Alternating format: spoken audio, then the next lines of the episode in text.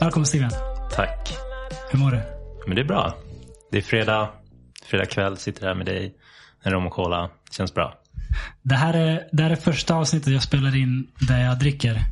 Så uh, det, det kan vara så att det går åt helvete. Blir sämre och sämre under, under kvällens gång. Men uh, det är värt ett försök. Skål. Skål. Jag tror det är en bra grej faktiskt. Får hoppas det. Alright, men uh, vi börjar med lite med att presentera dig lite grann. Du och jag känner varandra sedan way back via basketen. Yes. Först spelade vi varsitt lag. Och sen insåg du att det inte fanns något hopp så du joinade mitt lag. Ehm, och vi, vi var fiender men sen blev vi vänner. Mm, exakt så var det. En bra beskrivning, eller? Ja, eller jag joinade ert lag för att jag behövde. De valde att lägga För- ner vårt lag. För att du behövde ha en chans att vinna? Är det... Nej, vi vann ju inte när jag kom över, så jag tror inte det. Nej, jag skulle säga att i- trean på gymnasiet så Ja. behövde, la de ner vårt lag i central. Så då hjälpte de oss hitta en ny klubb. Och då Okej. kom jag till er. Okej. Eh, och eh, ja, nej men sen stannade jag. För jag tyckte ni var trevliga. Jag trodde inte att det skulle bli så. Eh, men ni var väldigt varma och trevliga när jag kom. Hur, hur trodde du det skulle bli? Vi hade ju spelat mot varandra i flera år. Så jag tänkte att så här, jag gillar inte er. Ni kommer inte gilla mig. Det var lite som så här Mighty Ducks-filmerna. Ja. När han Banks bytte lag för att han bodde i fel region och märkte det. Ja. Har du sett de filmerna?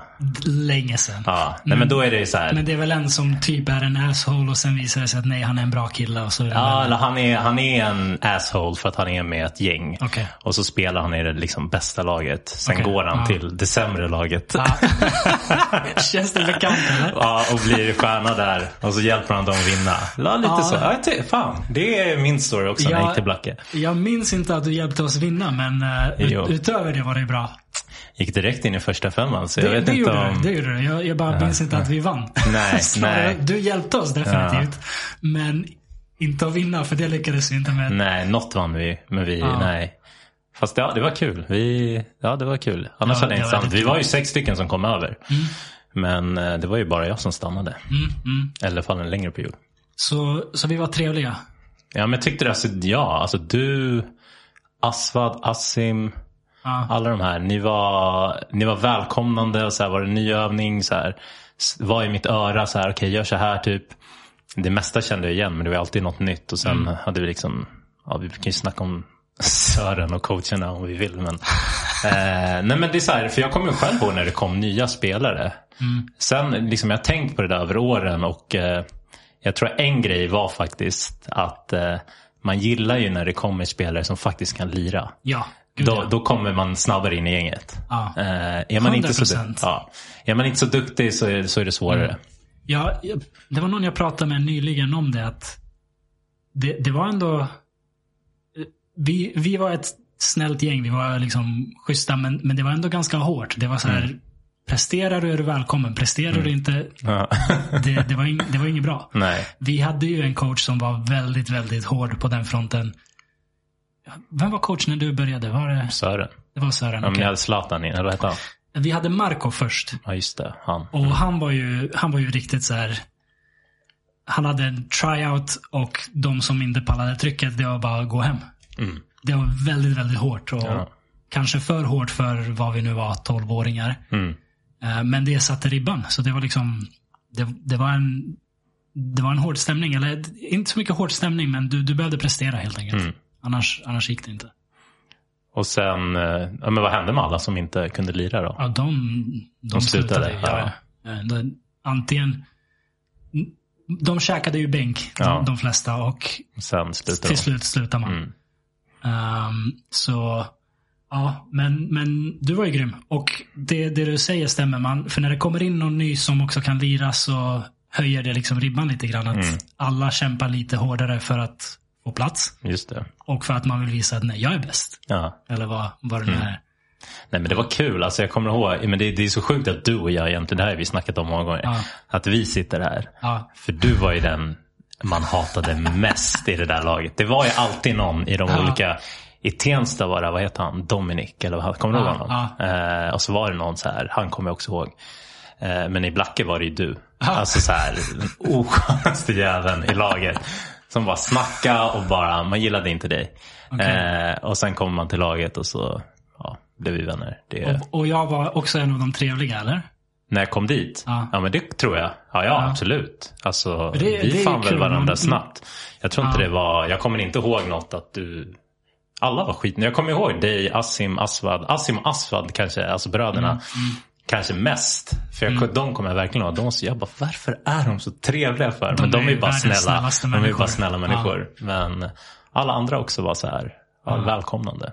Det var nice. As, Asvad är en snake när det kommer till fantasy basket. Ja, okej, ja. Det behöver jag lägga till. Men annars är han, Asvad? världen, Asvad, Ja, ja. okej. annars är han världens gulligaste människa. Men kör han fortfarande eller? Nej, nej, Nej. Han kom in och var en snake, sen taggade han. Vad gjorde han då? Vi gjorde en trade, han och jag. Okej. Ja, och för, för de som inte vet vad fantasy basket är. Man, man väljer spelare och baserat på hur de presterar i verkligheten får man poäng. Ja, och jag och några vänner har varit i en liga ganska länge. Steven har varit med uh, något år också. Vad hände då? När jag var med första gången? Det gick bra för dig. Ja, vad hände? Ja, du hade lite tur. Du vann. Då fick vi Och det sen, sagt. Och sen året Mm. efter var det så dåligt att du slutade spela efteråt. Ja, okej. jag vill säga att det var så. Jag Någonting- vann eller jag tänkte, jag vet inte. Jag vet bara att jag vann första året. Så jag och Asvad gjorde ett trade. Vi, vi skrev till varandra. Vi kom överens. Vi gör den här traden. Mm. Som två vuxna människor. Man kom överens om en trade. Mm. Alla har all data tillgängliga. Det är liksom bara att säga nej om man inte vill göra en trade. Ja. Vi kom överens om en trade. Han ångrar sig. Folk börjar grilla honom i gruppen att det är ingen bra trade för honom. Ja. Och, och han ångrar sig. Och så går han och säger till alla andra. Lägg in ert veto. För andra ägare kan liksom lägga in veto så att en trade inte går igenom. Så att det inte blir fusk, liksom, fusktrades. Så han går till folk och säger till folk. Lägg in ert veto för att stoppa den här traden. Ja. Vem gör sånt? Man har, man har skakat hand här. Man har liksom ingått ett avtal, gör en trade och sen går han till den andra och säger stoppa den här traden. Så han gör det och sen har han mage att kalla mig Snake. för att det är klart det var en trade som var till fördel för mig. Ja. Men all, all, han hade alla siffror precis som jag. Så han, eh, till denna dag, han, han lyssnar säkert på den här. Det, det är därför jag okej. berättar den här Ja. historien. Så han ska höra hur det låter när han hör det utifrån. Så ända till denna dag så kallar han mig Snake för att jag lurar honom på Ja. en trade. Bara, ja. Fast ja, så här, okej. Jag vill ha kontext. Hur länge hade du spelat? Hur länge hade Aswad spelat? Ehm, jag hade väl kanske spelat ett, två år mer än, än han hade. Och hur mycket mer insatt är du än han? Mer. Ja. Alltså jag tycker inte att du är en snake, men alltså det kanske jag inte hade kallat dig. Men du, du lurar ju uppenbarligen någon som är sämre. Hur, hur menar du att jag lurar? Ja, men statsen finns, men du kanske ser grejer som inte han, eh, han kan. Om du visste att det var en stor fördel till dig, det är klart du vill göra den traden. Jag tycker inte det är konstigt. Ja. Men jag förstår att han, när andra, andra säger till honom att så här, det här är ingen bra trade, Ja. att han vill out. Det är inget konstigt. Efter att han har skakat hand med mig och sagt ja till en trade. Ja, men han visste ju inte. Vadå han visste inte? Han, alltså, han hade ju aldrig gjort traden från början om inte han visste att den var, om han visste att den var dålig hade han inte gjort den. jag vet inte, för vi, vi snackade Vad var det för trade då? Vi- Kommer du vi ihåg vilka det Vi var? förhandlade ett bra tag. Kommer du ihåg vilka spelare det var? Jag, varandra? jag minns bara att Deron Williams var inblandad från Okej. mig. Att jag skulle skicka Deron Williams. Okej. Så det här var ju ett tag sedan. Men vi förhandlade ju ett tag. Men vi, satt och, vi satt och pratade. Det här, nej. Det här, nej. Det här. Och så kom vi överens om det här. Okej, båda är med på det. Ja. Så jag vet inte hur jag lurade honom i det. Men hur, om du kommer ihåg hur mycket, eftersom att alla var liksom med på att det var en dålig trade för honom. Ja. Hur mycket, hur dålig var den? Jag... Jag kan säga så här. Hade jag ärligt känt att jag lurar honom Okej. så hade jag nu sagt det. Nu har det, Jaha. gått, nu har det gått Nej men det är klart man aldrig känner att man lurar någon i en trade. Alltså, du Jo, vet, här, jo, det har hänt. Okej. Det här året gjorde jag en trade med Andy. men han har ju spelat hur länge som helst. Ja, Så han kan du och, han, och han tackade ja till ett trade. Ja, Eller han skickade den traden till mig och jag sa till honom, jag bara, det här, det här går inte, det är inte rättvist. okej. Du, vi kommer in, liksom, det är inte schysst. Varför Det- gjorde han det då? Alltså han, Andy, Andy får du göra vad du vill med. Ja, ja. Han är, Han är ju, han, han, han hade jag, ja gör vad du vill med Andy alltså. Fan vad han snackar alltså. så, så, liksom, så, är, så är det ju. att Jag har spelat den här ligan, det här är 11 år nu. Mm. Så jag, jag kommer ju inte hassla någon för att hassla någon. Nej. Det, är- det är ju inget kul i det långa loppet för ligan. Så jag hade definitivt erkänt om det var en hustle jag gjorde på Aswad. Men det var det inte. Vi bara kom överens. Mm. Fast det är så här, alltså, i det där spelet, jag tycker typ inte, alltså så här, jag tycker inte du gjorde något fel. Nej. Jag tycker inte att han ska kalla dig Snake. Alltså vad fan, det är ju det det går ut på. Det går ju ut Ja. på att du ska välja de bästa spelarna och sen har du möjlighet att trada till dig något bättre så kommer du göra det. Så det är ingen som är en Snake där. Ja. Det är upp till han. Så det är så här, eh, att Exakt. veta det. Så Exakt. jag tycker inte att det jag, är... jag har inget problem med något av det här du- egentligen. Förutom att han fortfortande kallar mig Snake. Okej, men för att du- han... För att han tyckte att traden var så dålig Okej, ja. att liksom jag Nej. lurar honom så mycket. Och, och han har liksom några gånger sagt till folk Josh är Snake. Gör Men det känns så snällt honom. när Han- det är Aswad också. Han, säger, han säger Snake men Han han, men, han menar ju inte att du är en Snake. Det är det som är så fint. Ja, ja, Eller? fast han säger ju det. Okej, ja. Sen är ju allting vänskapligt och inte så seriöst såklart. Men, eh, men, eh, jag kan säga- om, tänk- någon, om någon var Snake i det här så var det han. Okej, ja. Fast jag kan, han kan inte, Aswad kan inte vara en Snake alltså. Nej, han kan inte vara en Snake alltså. Han är Nej. för snäll alltså. Han är... Han ja. är väldigt snäll. Han är väldigt snäll. Jaha. Ja, Aswad om du lyssnar, jag älskar dig. Jag vet att du egentligen inte tycker jag var en snake. Men um, okej, så, så basketen. Jag ville fråga dig. Hur kom du in på basket? Minns du vad din första kontakt med basket var när du kände att det här är någonting jag vill hålla på med? Eh, bra fråga. Eh, jag... Eh, alltså det första jag kommer, var, kommer ihåg var typ så här, redan på typ dagis. Alltså på riktigt. Då var det så här, då var man i någon så här gympahall. Jag var typ fem år. Oj. Hoppsan. Ja, eh, det ramlade något från väggen här. Ja, ja. Jag läser det. Nej men då, det är första gången jag tror att jag kom i kontakt med en basketboll. Så här. Men jag började inte lira då. Sen började skolan eh, när jag var sex år. Då fanns det också en så här basketkorg på, eh, på skolgården. Lirade lite. Sen var det ju min brorsa som började i ett lag när han var nio. Eh, Oj, så tidigt. Ja, jag började också sen när jag var nio. Okej. Men det var ganska kul för då, då började han lira och det var så jag kom in på det. Typ som alla känns det som som kommer in på någon sport att man går Ja. efter sina äldre syskon. Eh, och han, eh, jag kommer ihåg det för det, sen han var typ, gick i femman och jag gick i tvåan. Då var jag på någon av hans matcher. Eh, och så i så här halvtid stod jag och sköt. Alltså jag är ju här åtta år gammal. Och då kom hans coach upp till mig och sa Fan bra typ så här, kom, kom på någon träning. Alltså Coolt. på hans, på min brorsas träning. Häftigt. Eh, alltså hur, jag, hur mycket äldre är brorsan? Han är tre år äldre. Ja. Så liksom han var så här 11 måste och jag var 8. Det måste ha betytt hur mycket som helst. För mig var det stort, men han, och han, men han har varit en bra bror. Alltså. Han så här, innan, eller så ville han inte att jag skulle göra bort mig. För jag var ju nervös innan jag skulle gå på. Jag skulle vara med på hans träning. Alltså, mellan 8 och 11, det är, så här, det är, Stor stor, skillnad. det är stor skillnad. Men hur som helst så han visade mig så här flätan, du vet den övningen typ innan. Och jag bara nej jag fattade, fattade inte hur man skulle göra. Så det slutade med att jag gick på den träningen, kanske var med på typ en övning. Men satt, sen satt jag och kollade mest. Typ så här. Och sen när de drack vatten sköt jag lite. Ja. Eh, så det, det är en av de första minnena jag har. Och sen ja, när jag var nio, då, det var då man på den tiden fick börja lira. För då kom det folk till vår skola och sen eh, började lira. Och sen har jag lirat sen dess. Typ. Kommer du ihåg om du var inspirerad av typ Jordan eller någonting sånt? Eh, helt ärligt, vi kanske kommer in på min, min favoritspelare sen. Jag vet inte. Eh, du vet vem det är, alla vet vem det är. Eh, inte, jag har aldrig haft någon riktig idol i basket när jag växte upp. Eh, mycket var ju för att, det var så här, vadå?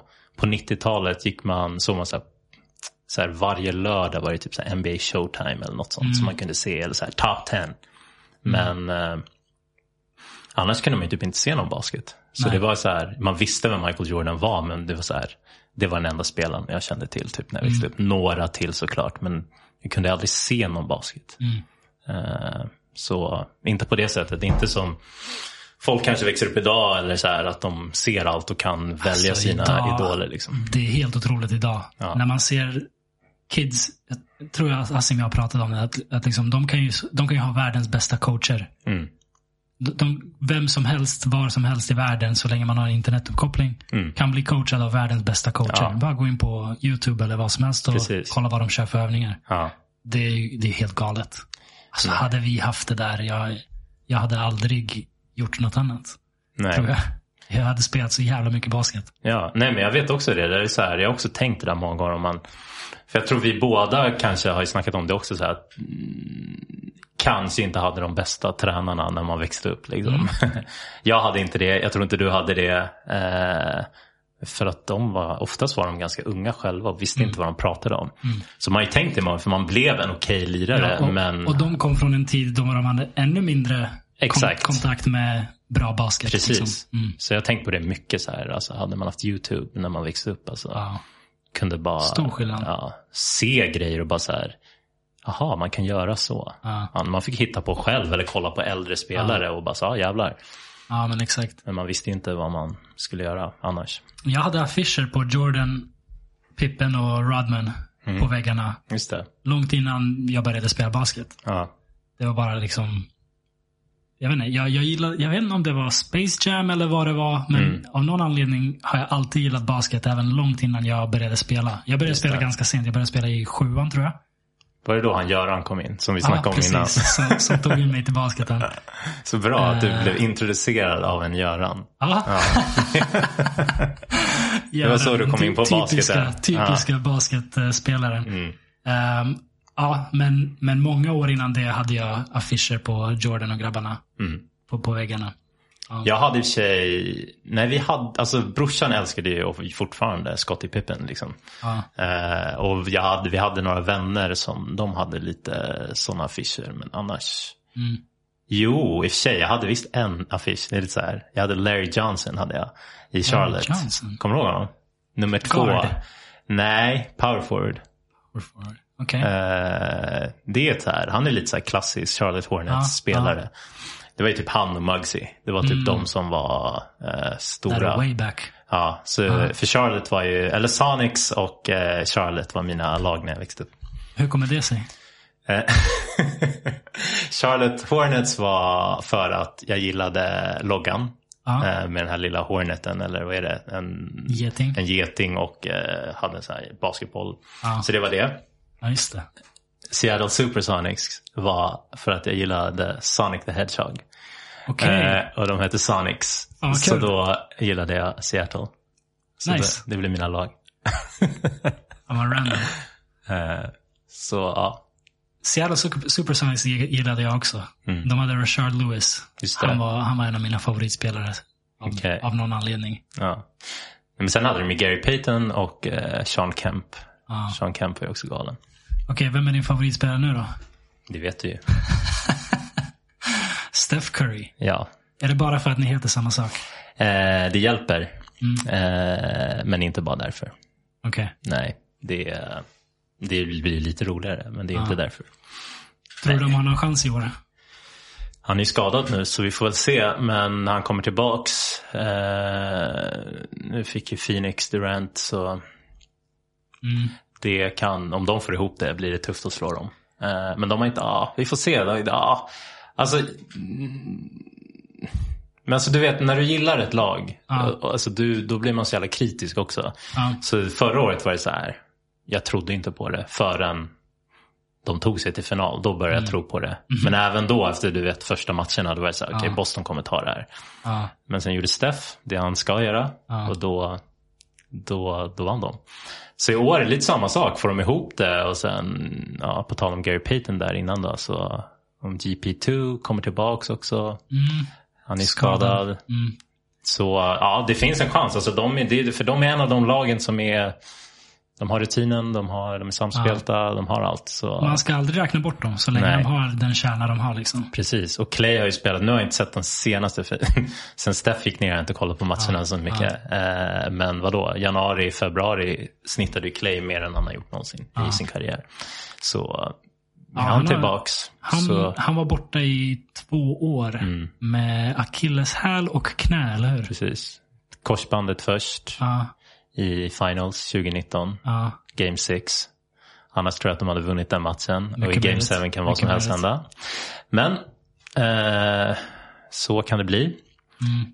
Och sen var ju borta ett år och sen drog han hälsenan. Ja. Så borta två år. Ja. Och komma tillbaka och spela på den här nivån Men i exakt. världens Och han har fått ganska mycket liga. skit, du vet. Så här. Jag bara, alltså, Folk är... alltså, så här, ge honom lite tid och nu Ja, förhoppningsvis herregud. kan han hålla i det för han är, Mm. han är bra. Vad tror du om uh, Suns med KD då? Eh, alltså på pappret är de ju bra Mm. eh, såklart.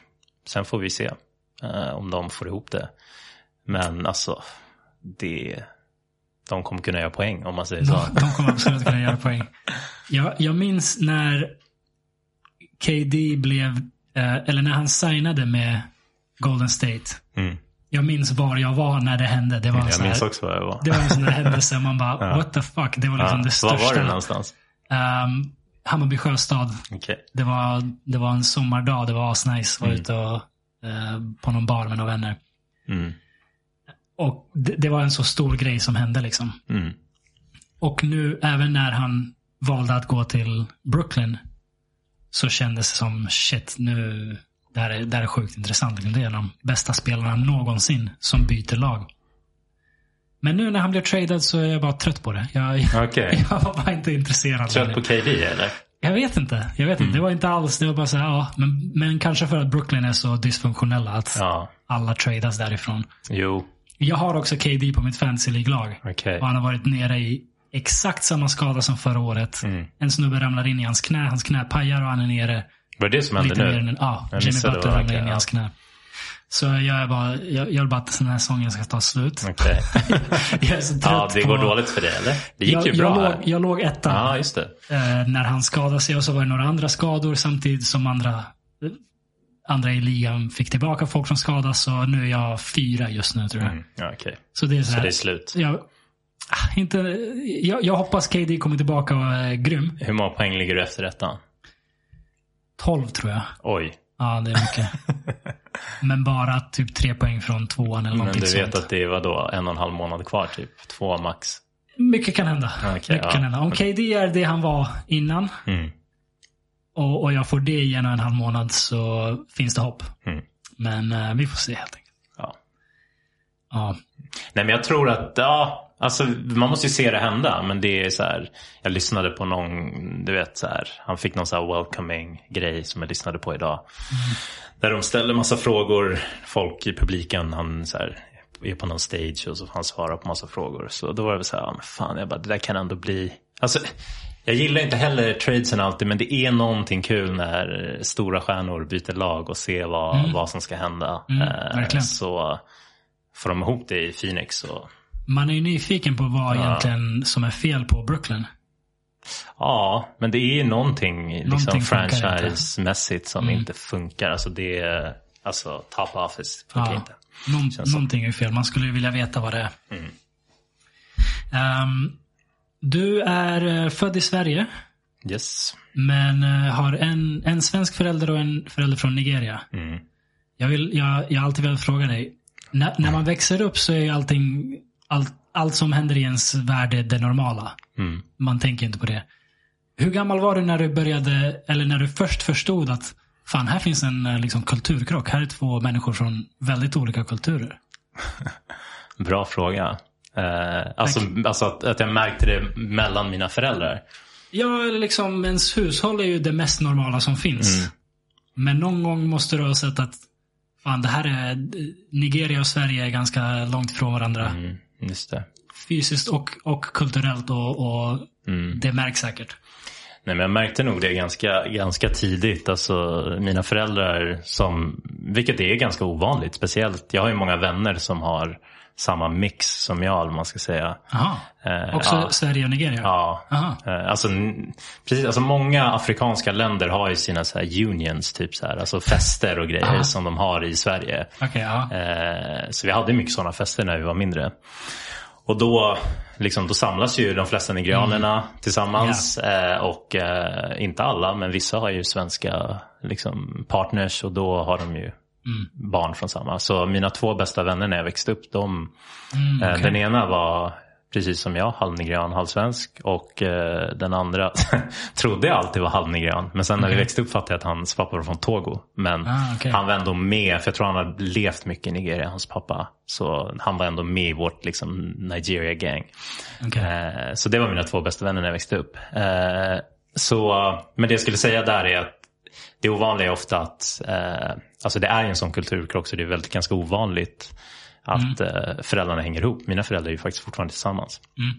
Eh, så jag tror att jag märkte krocken säkert ganska tidigt. Eh, för det är så här, du får ju den nigerianska kulturen i hemmet. Men sen kommer du ju hela tiden på dagis och så i skolan. Du kommer ju ut i det svenska samhället. Ah. Så du ser ju vad, vad som, eller hur folk, alltså du är hemma hos svenska vänner, hur deras föräldrar är.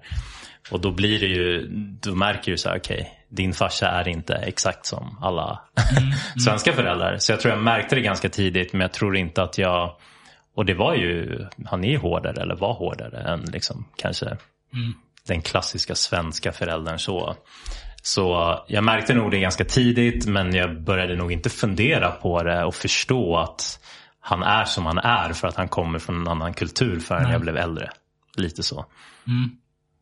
Var, var det något som besvärade dig? Att du märkte att det var annorlunda hos dig än, än, än hos, dina, hos andra vänner i skolan och så? Nej, alltså jag märkte inte det. Och, alltså mina föräldrar gjorde ju en väldigt smart move där. Alltså jag, även om jag växte upp in i stan, så, ja, men som jag berättade innan, alltså mina två bästa vänner de bodde ju inte i stan. De bodde, eh, ja, ena bodde i Husby, den andra bodde i Tensta. Så helgerna hängde jag typ där. Okej. Eh, hade inga vänner i stan. Och sen när jag började skolan så, eller jag hade några, för mina första år bodde jag i Rinkeby. Sen flyttade vi in till stan när jag var typ, vadå, tre år. Eh, och då gick jag på dagis i stan. Men då är man så liten, då tänker man inte på det. Eh, att man kanske är lite annorlunda så. Eh, sen började skolan och då satt de ju med i en så här, tvåspråkig klass. Också inne i stan. Okej. Det är en kommunal skola. Eh, men alla som gick i min klass och i den, vad ska man säga, avdelningen av skolan eh, hade i princip föräldrar från två olika länder. Okej. Kravet var väl att typ att man skulle förstå eller prata engelska när man började den skolan. Var undervisningen på engelska? Hälften hälften. Häl, halv, Hälften av ämnena var på engelska, hälften på svenska. Så jag, när jag började skolan, sexårsverksamheten, då så här, det var ovanligt att vara helt svensk i min klass.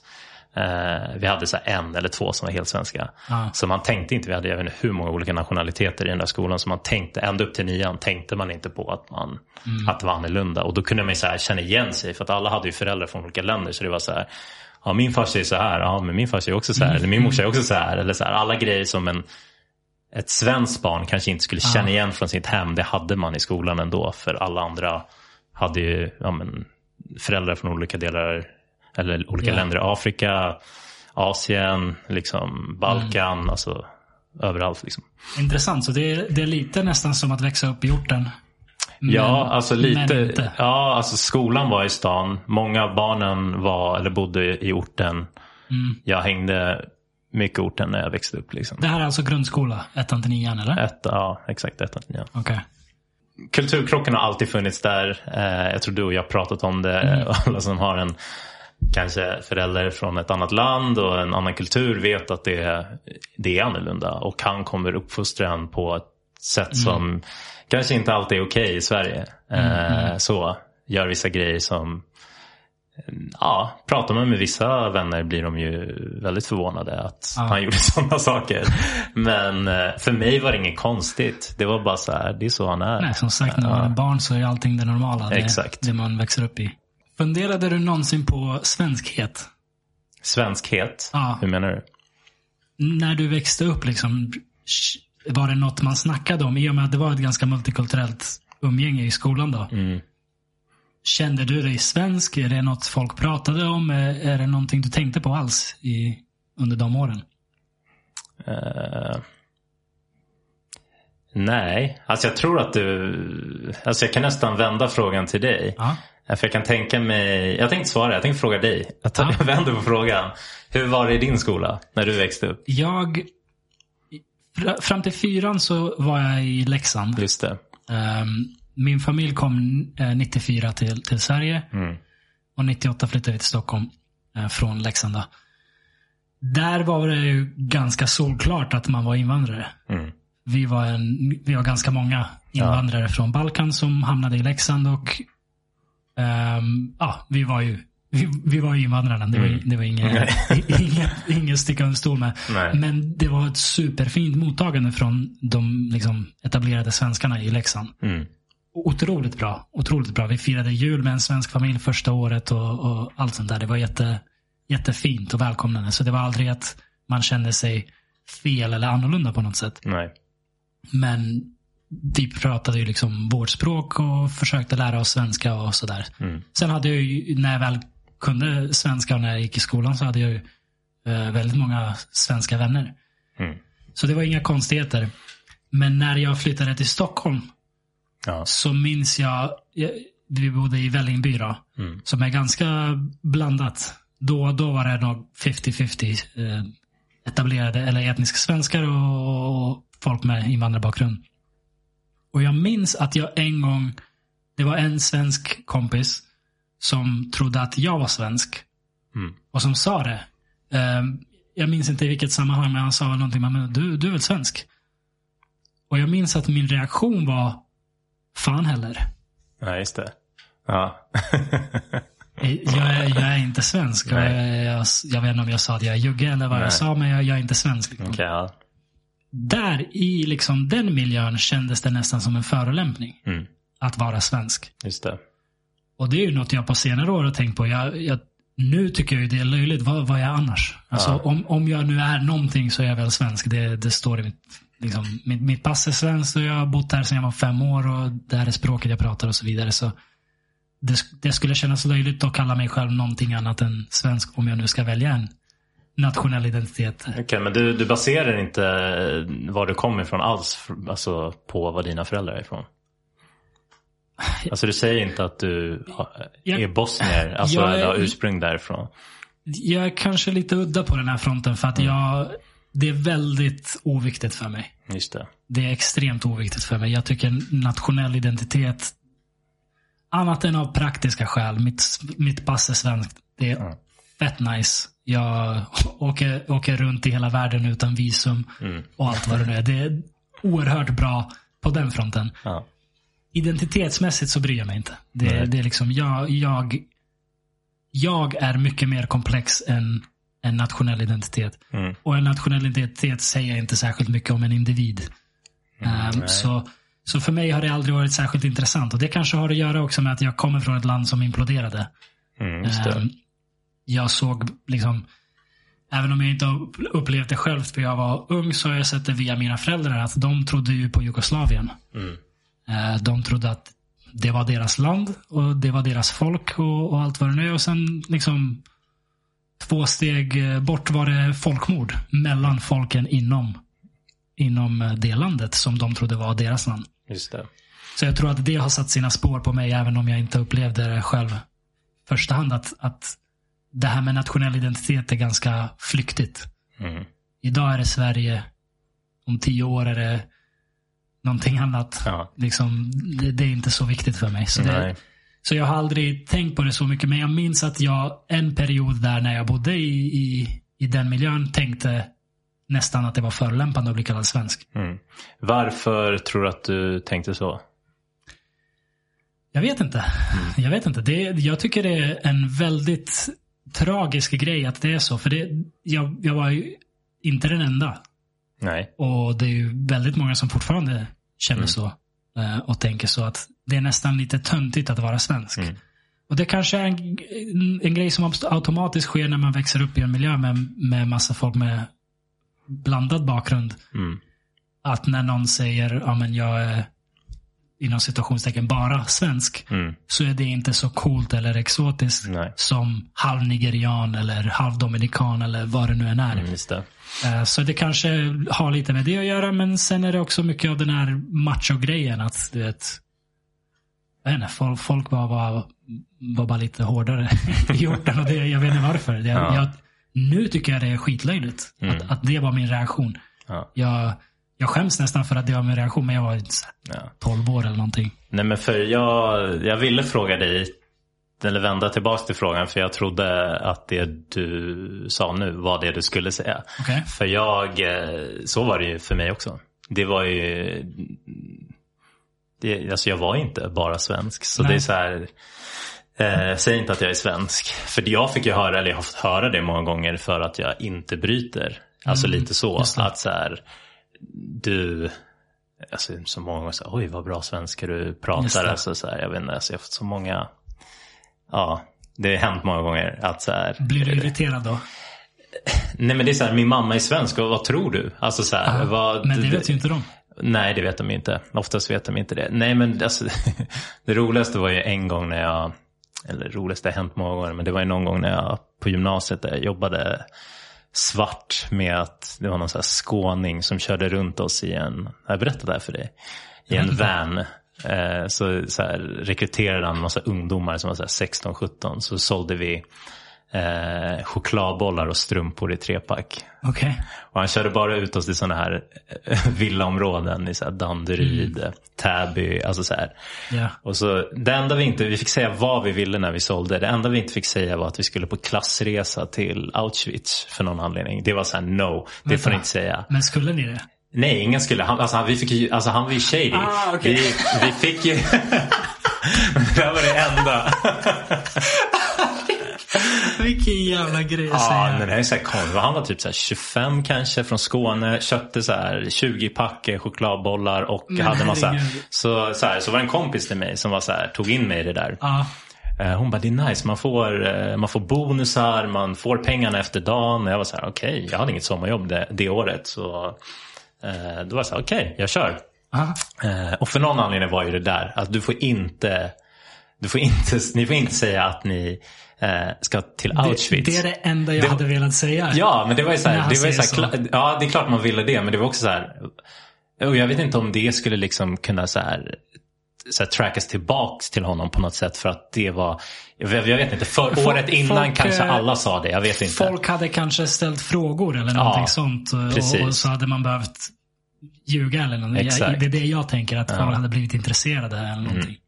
Nej men, ja, nej men exakt, så jag vet inte vad det är. Men då kommer jag ihåg, då var jag ute i Danderyd eller i, så kom jag till någon så här äldre kvinna och så här och drog min pitch som jag gjorde när jag knackade på dörren så här. Och hon bara tittade på mig så här efter, som att det var så här konstig tystnad typ. Ja. Och så jag bara så här, vad? Jag bara okej, så här, jag bara, jag har sagt något dumt nu, vad är grejen? Så hon bara, hon sket i vad jag sa om mina chokladbollar eller, eller strumpor. Hon bara, vilken bra svenska du pratar, sa hon. Oj, okej. Hon bara, hur länge har du varit här? Och då var jag så här, sex månader. Du sa det. nice. Plocka lite extra. Jag sa det för att få lite extra från henne. Sen, sen kommer jag faktiskt inte ihåg om jag gav henne sanningen sen om att jag inte hade varit här i sex månader. Ja. Eh, jag hoppas inte jag gjorde det. Men hur som helst så jag sålde i alla fall bra till henne. Eh, och sen var det så här i slutet av dagen då, då fick man, han hade ett så här bonussystem för varje, man hade typ fyra stopp per dag. Ja. För varje stopp kunde man vinna. Om man sålde mest på det stoppet fick Just man det. en bonus på typ 200 eller något så här. Så jag, typ, jag gjorde det där bara i fyra dagar, sen jag var så här, nej jag kan inte göra det här mer, det känns Ja. fel. Jag bara ljuger för folk och så här. Ja. Eh, men jag tror jag tjänade så här 500 spänn per dag de första tre dagarna. Sen sista bra. dagen, då vann jag massa bonusar. Då tjänade jag 1500 den Oj. dagen. Så jag tror jag tjänade 3000 på, på, på fyra dagar. Så. Och det här var bara någon random snubbe? Ja, det var någon skåning som körde runt oss i en blå van. Det var inte Bara- via skolan eller något Nej, nej, nej. Det var en kompis som sa till mig. Hon bara, jag jobbar här. För jag hade inte lyckats hitta något Aha. sommarjobb. Ja. Så då tog hon in mig i det där. Och så, ja, det var skum- konstigt. skum Ja, det var jättekonstigt. Alla var så här 15 till 17 år. Ja. Han typ körde så här, jag har aldrig med oss. Alltså, han, var riktigt, ja, han var så jävla äcklig alltså. Nej. Och sen när jag slutade höll de på att ringa mig typ så här, två veckor och försökte få tillbaka mig. Jag bara, ska du inte sälja liksom? Jag bara, nej, det händer inte igen. Ja, det låter som ett bra drag att dra Ja. ur det här. ja, det var bra drag.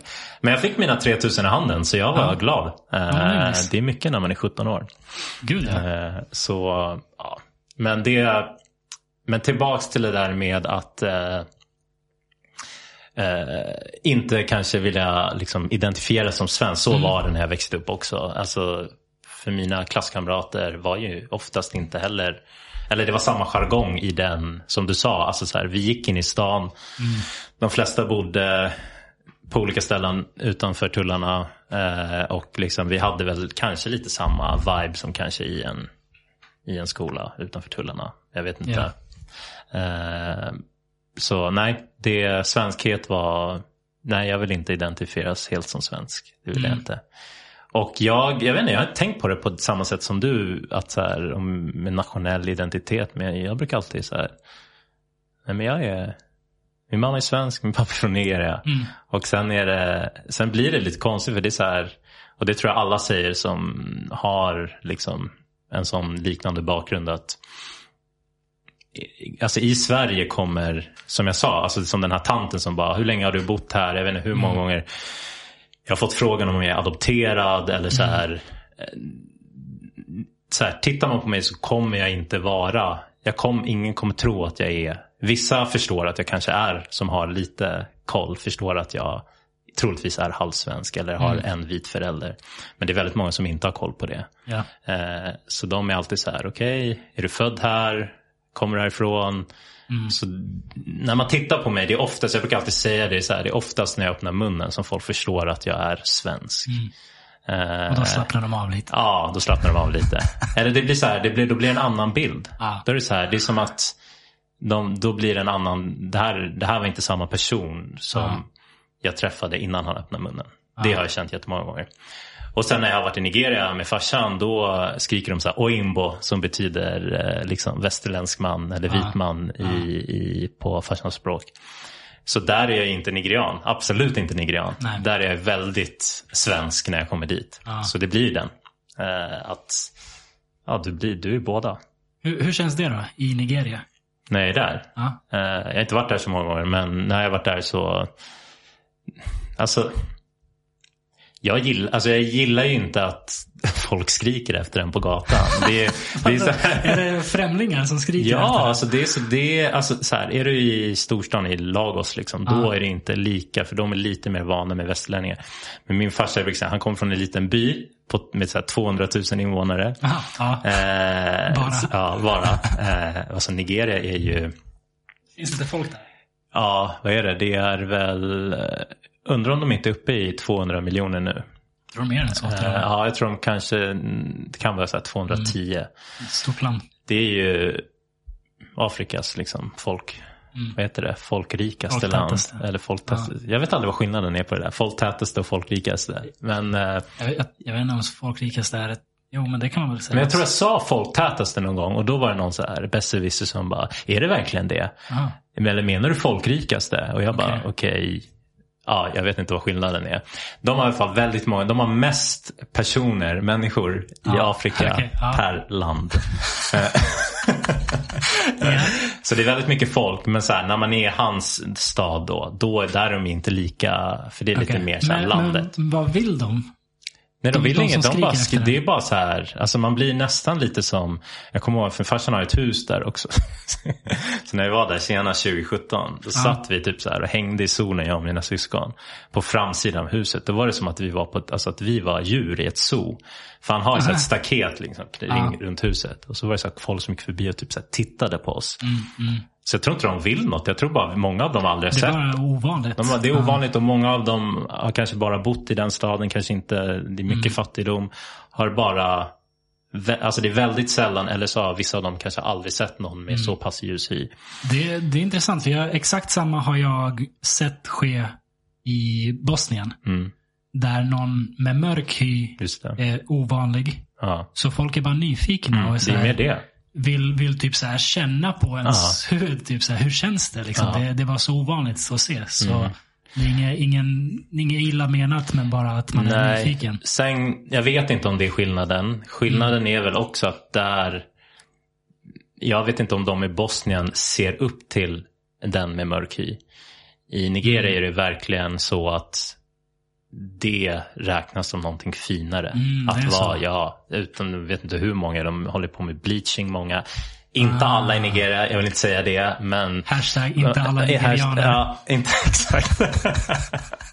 men de håller på, det är många, så, så, det, så är det ju alltså, i många länder. Att, eh, att ljus hy. Men det är ju antagligen tätt förknippat med pengar. Ja, absolut. Eh, Det tror jag. Mm. Eh, Så det räknas ju som någonting som är väldigt fint och att så här, så jag vet att man hörde det många gånger att så här, de som inte var, alltså det finns ju olika nyanser av brunt i det Ja, landet också ja. såklart. Och det var så här, att vissa man träffade de var, snackade om att det är lite finare och Ja. desto ljusare det är. Typ Det är så sjukt. Det, är- Mm. det är exakt så i, i Mexiko. Att De har till och med ord för så här halvvit, kvartsvit, Ja, du vet åttondelsvit Mm. grader. För, för det, det, var, det sattes, sattes så djupt när, i, när spanjorerna dominerade där. Att liksom, det. det bara var så. De vita var mest värdefulla och sen Mm. går det neråt. Det, det, det är så bisarrt och det är så hemskt att det lever kvar. Ja, nej, det, ja, vi har en lång väg innan det där Mm. kommer ändras. Alltså. Ja, tyvärr. Uh, vad, vad tycker du mest om med nigeriansk kultur? Eller med Nigeria som land? Mm. Okej. Nog aldrig fått den frågan. Uh, jag... Uh, alltså det... Alltså jag skulle inte säga, alltså det är ju faktiskt inte mitt favoritkök. Så jag skulle inte säga att jag dör för maten. Den Nej. är god. Mm. Eh, men det är mycket så alltså så här, det finns ju vissa rätter som jag kanske inte äter så mycket. Men sen är det ju mycket kyckling, ris, eh, tomatsås, eh, grytor, liksom egusi-soup som är någon sån här Ja, men det är mycket Egusi? är. Nej, men det är någon så här, det är en, tänk dig en gryta. Alltså man kan väl förklara det som en gryta och sen har du liksom du har säkert sett det så här, pounded jam, alltså det är som en klump. Det ser ut som en gröt med mycket tjockare, som potatismos med mycket tjockare. Och sen tar du det så doppar du det liksom i, i den här grytan. Eh, så det finns god mat, absolut. Ja. Eh, men jag vet inte om det är det jag gillar mest.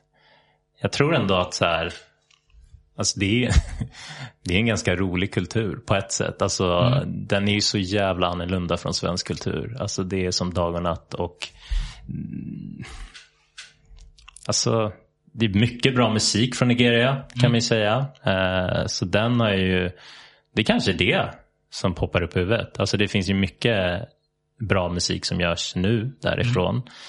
Lyssnar inte jättemycket på det om jag ska vara ärlig. Men det jag lyssnar på ibland är, är, är bra. Så be mig inte droppa massa artister därifrån. Eh, eh, men eh, jag har växt upp med den musiken. Farsan spelade mycket sån musik när man växte upp. Så det är liksom så här Fela Kuti och liksom eh, bland annat. Så det, det, musiken, den är bra. Ja, Det får jag ge dem. nice. Mm.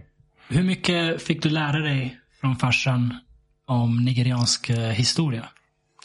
Eller Nigerias situation eller någonting?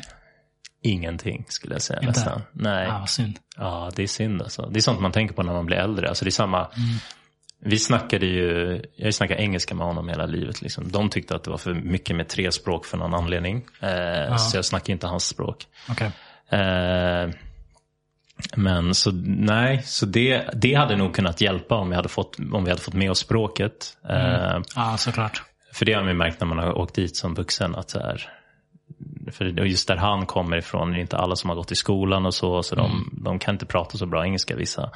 Eh, och då är det svårt att kommunicera med dem. Eh, så jag tror att det hade blivit lättare. Att så här, om vi hade haft språket, då kanske vi hade haft den grejen. Men sen allmänt, jag har inte haft den, inte pratat om sånt eh, Okej. så mycket faktiskt. Är det något du på senare år själv har blivit intresserad av eller har det bara inte blivit? Nej men alltså jag eh, blivit mer intresserad av men kanske inte tagit tag i det så mycket. Ja. Ja, ska jag säga. Okej. Ja, det är intressant. Jag, jag känner inte till jättemycket om just Nigerias historia, men hela den delen av världen. Mm. Alltså, vad ska man säga, C- Centralafrika, norra Afrika. Man, man har ju förstått att det fanns så otroligt mycket rikedom där Mm. innan med, med det här, vad heter det, kungariket Mali. Där världens rikaste människa som någonsin levat levde. Okej. Ja. Ehm, och sen har liksom allt gått åt helvete och, och, och så har det blivit en helt annan. Mm. Men det, det är en historia som är så intressant som jag jättegärna skulle vilja lära mig mer om. Mm. Nej men det, ja, alltså det, ja, alltså det är just alltså alla de afrikanska, väst, alltså alla afrikanska länder har ju historia eh, såklart. men jag tänker just Nigeria, det, det, ja, ja, det är mycket där. För man vill ju förstå allt. För det är ju verkligen, det finns ju mycket stories om Nigeria också. Att så här, om att alla därifrån är så street smarts, det är mycket korruption, vilket det är. Det är så här, Alltså när vi var där 97 var det ju liksom då var det ju läskigt att åka på gatorna. Så vi blev stoppade flera gånger när vi var där. Alltså med militärer som ville ha mutor och liksom hade alltså gevär som de petade in i bilen. Alltså, Jesus. och jag var så här åtta år gammal. Eh, så det, det, det, så den bilden har ju, nu har ju de där försvunnit och det har blivit bättre. Men det är så här, det är väl presidentval typ nu eller i någon form av election. Jag har dålig koll och då är det så här, ja det händer mycket i landet och det blir Ja. tumult när grejer händer. Så, det, Ja. ja. så det, det har hänt mycket i det landet, bara att jag har ganska dålig koll på historien. Vi kom in på musik lite grann. Mm. Du har ju, du och jag har alltid liksom vi, vi, vi lyssnar på en ganska, vi har ganska bred musiksmak. Vi lyssnar på väldigt mycket olika musik. Inte bara liksom hiphop eller bara det ena eller det andra. Känns som din är bredare än min kanske. Alltså, Fast jag vet inte. jag tycker säga- att jag har bred, jag kanske har det, jag vet inte. Det, anledningen till att jag tänker på det är för att de, de flesta av mina vänner lyssnar främst på hiphop. Mm. Men med dig har jag kunnat prata om annan musik. Mm. Och, och vi har kört så här musikquizar och, och grejer där, vi, där det varit helt annan, annan typ av musik. Ja. Så jag ville fråga dig, var, var fick du din musiksmak ifrån? Liksom var, var, vem influerade dig och hur, hur kom du in på de banorna du kom in på? Ehm. Jag har ju hört lite om hur du fick din, eftersom jag lyssnade på ditt förra avsnitt med Asim, så att det var mycket, det var kul när ni snackade om det där vet jag. Eh, när du, nej, men jag kommer ihåg när du snackade om eh, ja, men din första CD-skiva eller som Easy det, E, eller? Ja exakt. Och, eh, men hur du fick det av din brorsa sådär. Ja. Så jag har ju två äldre syskon. Jag är ju yngst. Så, mm, så här, jag ska säga, alltså det kommer hemifrån. Det kommer från min brorsa, det kommer från min, som, han hade också väldigt mycket olika. Han var nog, jag har nog aldrig varit så här, jag har alltid gillat att lyssna på musik. Men jag har aldrig varit den, tycker jag, som har så här, alltså kanske när jag blir lite äldre börjar jag söka mig till vissa artister och sådär. Men Annars, alltså brorsan hade ju mycket, han kunde ju lyssna på, han hade också ganska så här brett. Allt från typ så här, vad lyssnade han på? Jag kommer knappt ihåg. Men han kunde så här komma hem med någon så här techno, så här 666, typ så här någon techno. Alarma! Ja, exakt, exakt den. Alltså det var så här, jag bara, vad är det här för någonting? Den var så Eh, jävla bra, ja, den skivan. Ja, ja men exakt, det var så här, men då började det var så här, okej det här är som att man ser upp till sina, sin storebror. Så, så här, Ja. okej, det här är säkert coolt. Eh, lyssnade på det, men sen lyssnade jag också på Craig David och så lyssnade han på så här, det var ju brett. Men mycket så här, och syrran eh, hade rummet liksom bredvid, jag och brorsan delade rum och så hade hon, så hon väckte en varje lördag morgon så här, pumpade Whitney, Mariah Carey liksom. Sen kom ju Gabrielle in i bilden, eh, så här, när, ja, när hon några år senare där. Sen var det mycket Michael Jackson, det var mycket reggae, alltså föräldrarna lyssnade på det, mycket Stevie Wonder. Morsan älskade Elton John, så det var mycket sånt. Eh, Jennifer Rush, alltså det var så här, jag vet inte om du vet vem hon är, men det är så här, det, eh, det var blandat. Så jag ja, hemifrån, allt det, som jag tror det är för de flesta, det, det de spelar hemma, det är det man som formar en lite. Minns du något av det första du började lyssna på som var ditt, som, som du upptäckte, som inte var introducerat av några syskon? Oj. Alltså, jag... Uff. Alltså man vill ju säga att det ska vara så här i mellanstadiet eller högstadiet och jag så här kom in på någon egen artist som... Det finns Fast det känns som att allt jag har lyssnat på har ju, kommer ju från någonstans. Eh, Ja, nå- någonstans kommer ja, det ifrån. Men, exakt. men för mig var det exakt samma sak. Jag är en storebror och Ja. all musik jag konsumerade var det han... För det jag tänker är så här, för fram till en viss ålder så kunde jag typ inte... Nu, det första som dök upp nu var typ Scatman som typ en vän så här, i sexårsverksamheten lyssnade på. Typ. Ja. Eh, men annars... Sen vet jag att jag fick en CD, den lyssnade jag mycket på. Förlåt för att jag avbryter det. Men Men, Scatman, har du hört om hans eh, historia? Nej, jag har hört att det finns en historia men jag kommer inte ihåg. eller har hört inte. det är typ skitcoolt. Alltså, han var ju... Han, han började hålla på med musik när han var typ 60 eller någonting. 50 Okej. någonting, 60. Hade aldrig liksom hållit på med det. Jag- Nu, nu slaktar jag den här historien, men jag vill minnas att han hade ett stökigt liv. Om det nu var hemlös eller knark eller vad det nu var. Så han var liksom... Och sen när han var 60 någonting så gjorde han Scatman-låten och blev så här världsstjärna. Svinrik också eller? Ja, det vet jag inte. Nej. Men, eh, men han blev liksom... Hur fick du reda den- på det här? Är det en dokumentär eller något? Det känns som att det... Ingen aning. Nej, okej. Ingen aning. Eller det Jag kan vara du som har berättat det här för det, mig. Hört det Ja. eller läst det någonstans. Men det var det. random grej i alla fall. Ja. Förlåt, du, du fick en skiva. Nej, jag, fick, eh, jag vet att jag fick eh, en av mina första egna så här, CD-skivor var i Robin Razz. Eh, så det två svenska killar. Rock va? Nej, mer så här pop. Okej. Typ. Eh, och så hade de ofta så här, D-Flex var en kille som var med som eh, i, i, i deras, eh, någon så amerikansk kille som var med Okej. ganska mycket. Men den sedan pumpade jag sönder vet jag. Eh, den fick jag typ så här i tvåan. Eh, Okej. Det är mycket. I tvåan grundskolan? Ja, alltså. grundskolan eh, fick jag den. Så det är kanske det första. Men sen tror jag att så här, det var ju så svårt då också att så här, för jag tankade inte så mycket, det var mer brorsan. Så det blev alltså ända upp och sen så här när man fick en minidisk typ i sexan, sjuan där så var det också han som så här, hjälpte mig typ tanka grejer och så typ brände man minidisks. Kom minidisk före MP3? Nej, eh, minidisk, eller jo, jo, minidisk kom först. Okej. Och sen vet jag att jag skaffade en MP3 typ bara ett år. Typ så i början på gymnasiet. Jag var lite sen. Och sen kom typ, sen blev ju iPoden skitstor. Eh, så jag tror i tvåan på gymnasiet skaffade jag en iPod och sen var det ju bara inget, inga, alla MP3s typ dog. För Okej. Apple tog över helt där. Okej. Eh, det, det är så jag kommer ihåg det. Ja, jag, jag höll mig borta från Apple. Det var okej. MP3-spelare som. Ja. Nej, jag, jag skaffade det dyraste och än idag en av de bästa köpen jag någonsin gjort. Alltså teknik har jag aldrig ångrat. Ja. Och den var, det var en så här eh, iPod Nano köpte jag då. Mm. Eh, typ det, det var så dyrt så att det var så här. Kostade, Ja. kostade en 2000 kanske. Och det var så här. uff. Ja, det var ju galet. Ja, ja MP3-spelare var the shit. När man kunde slänga in så här 500 låtar. Ja. Wow, det är så mycket musik. Ja. Efter att ha spelat. För, först hade man skivspelare. Ja. Liksom, så var det liksom 12-15 låtar var det nu är på en skiva. Ja. Det var det. Ja. Plötsligt kan du slänga in så här alla dina skivor på en Ja. MP3-spelare.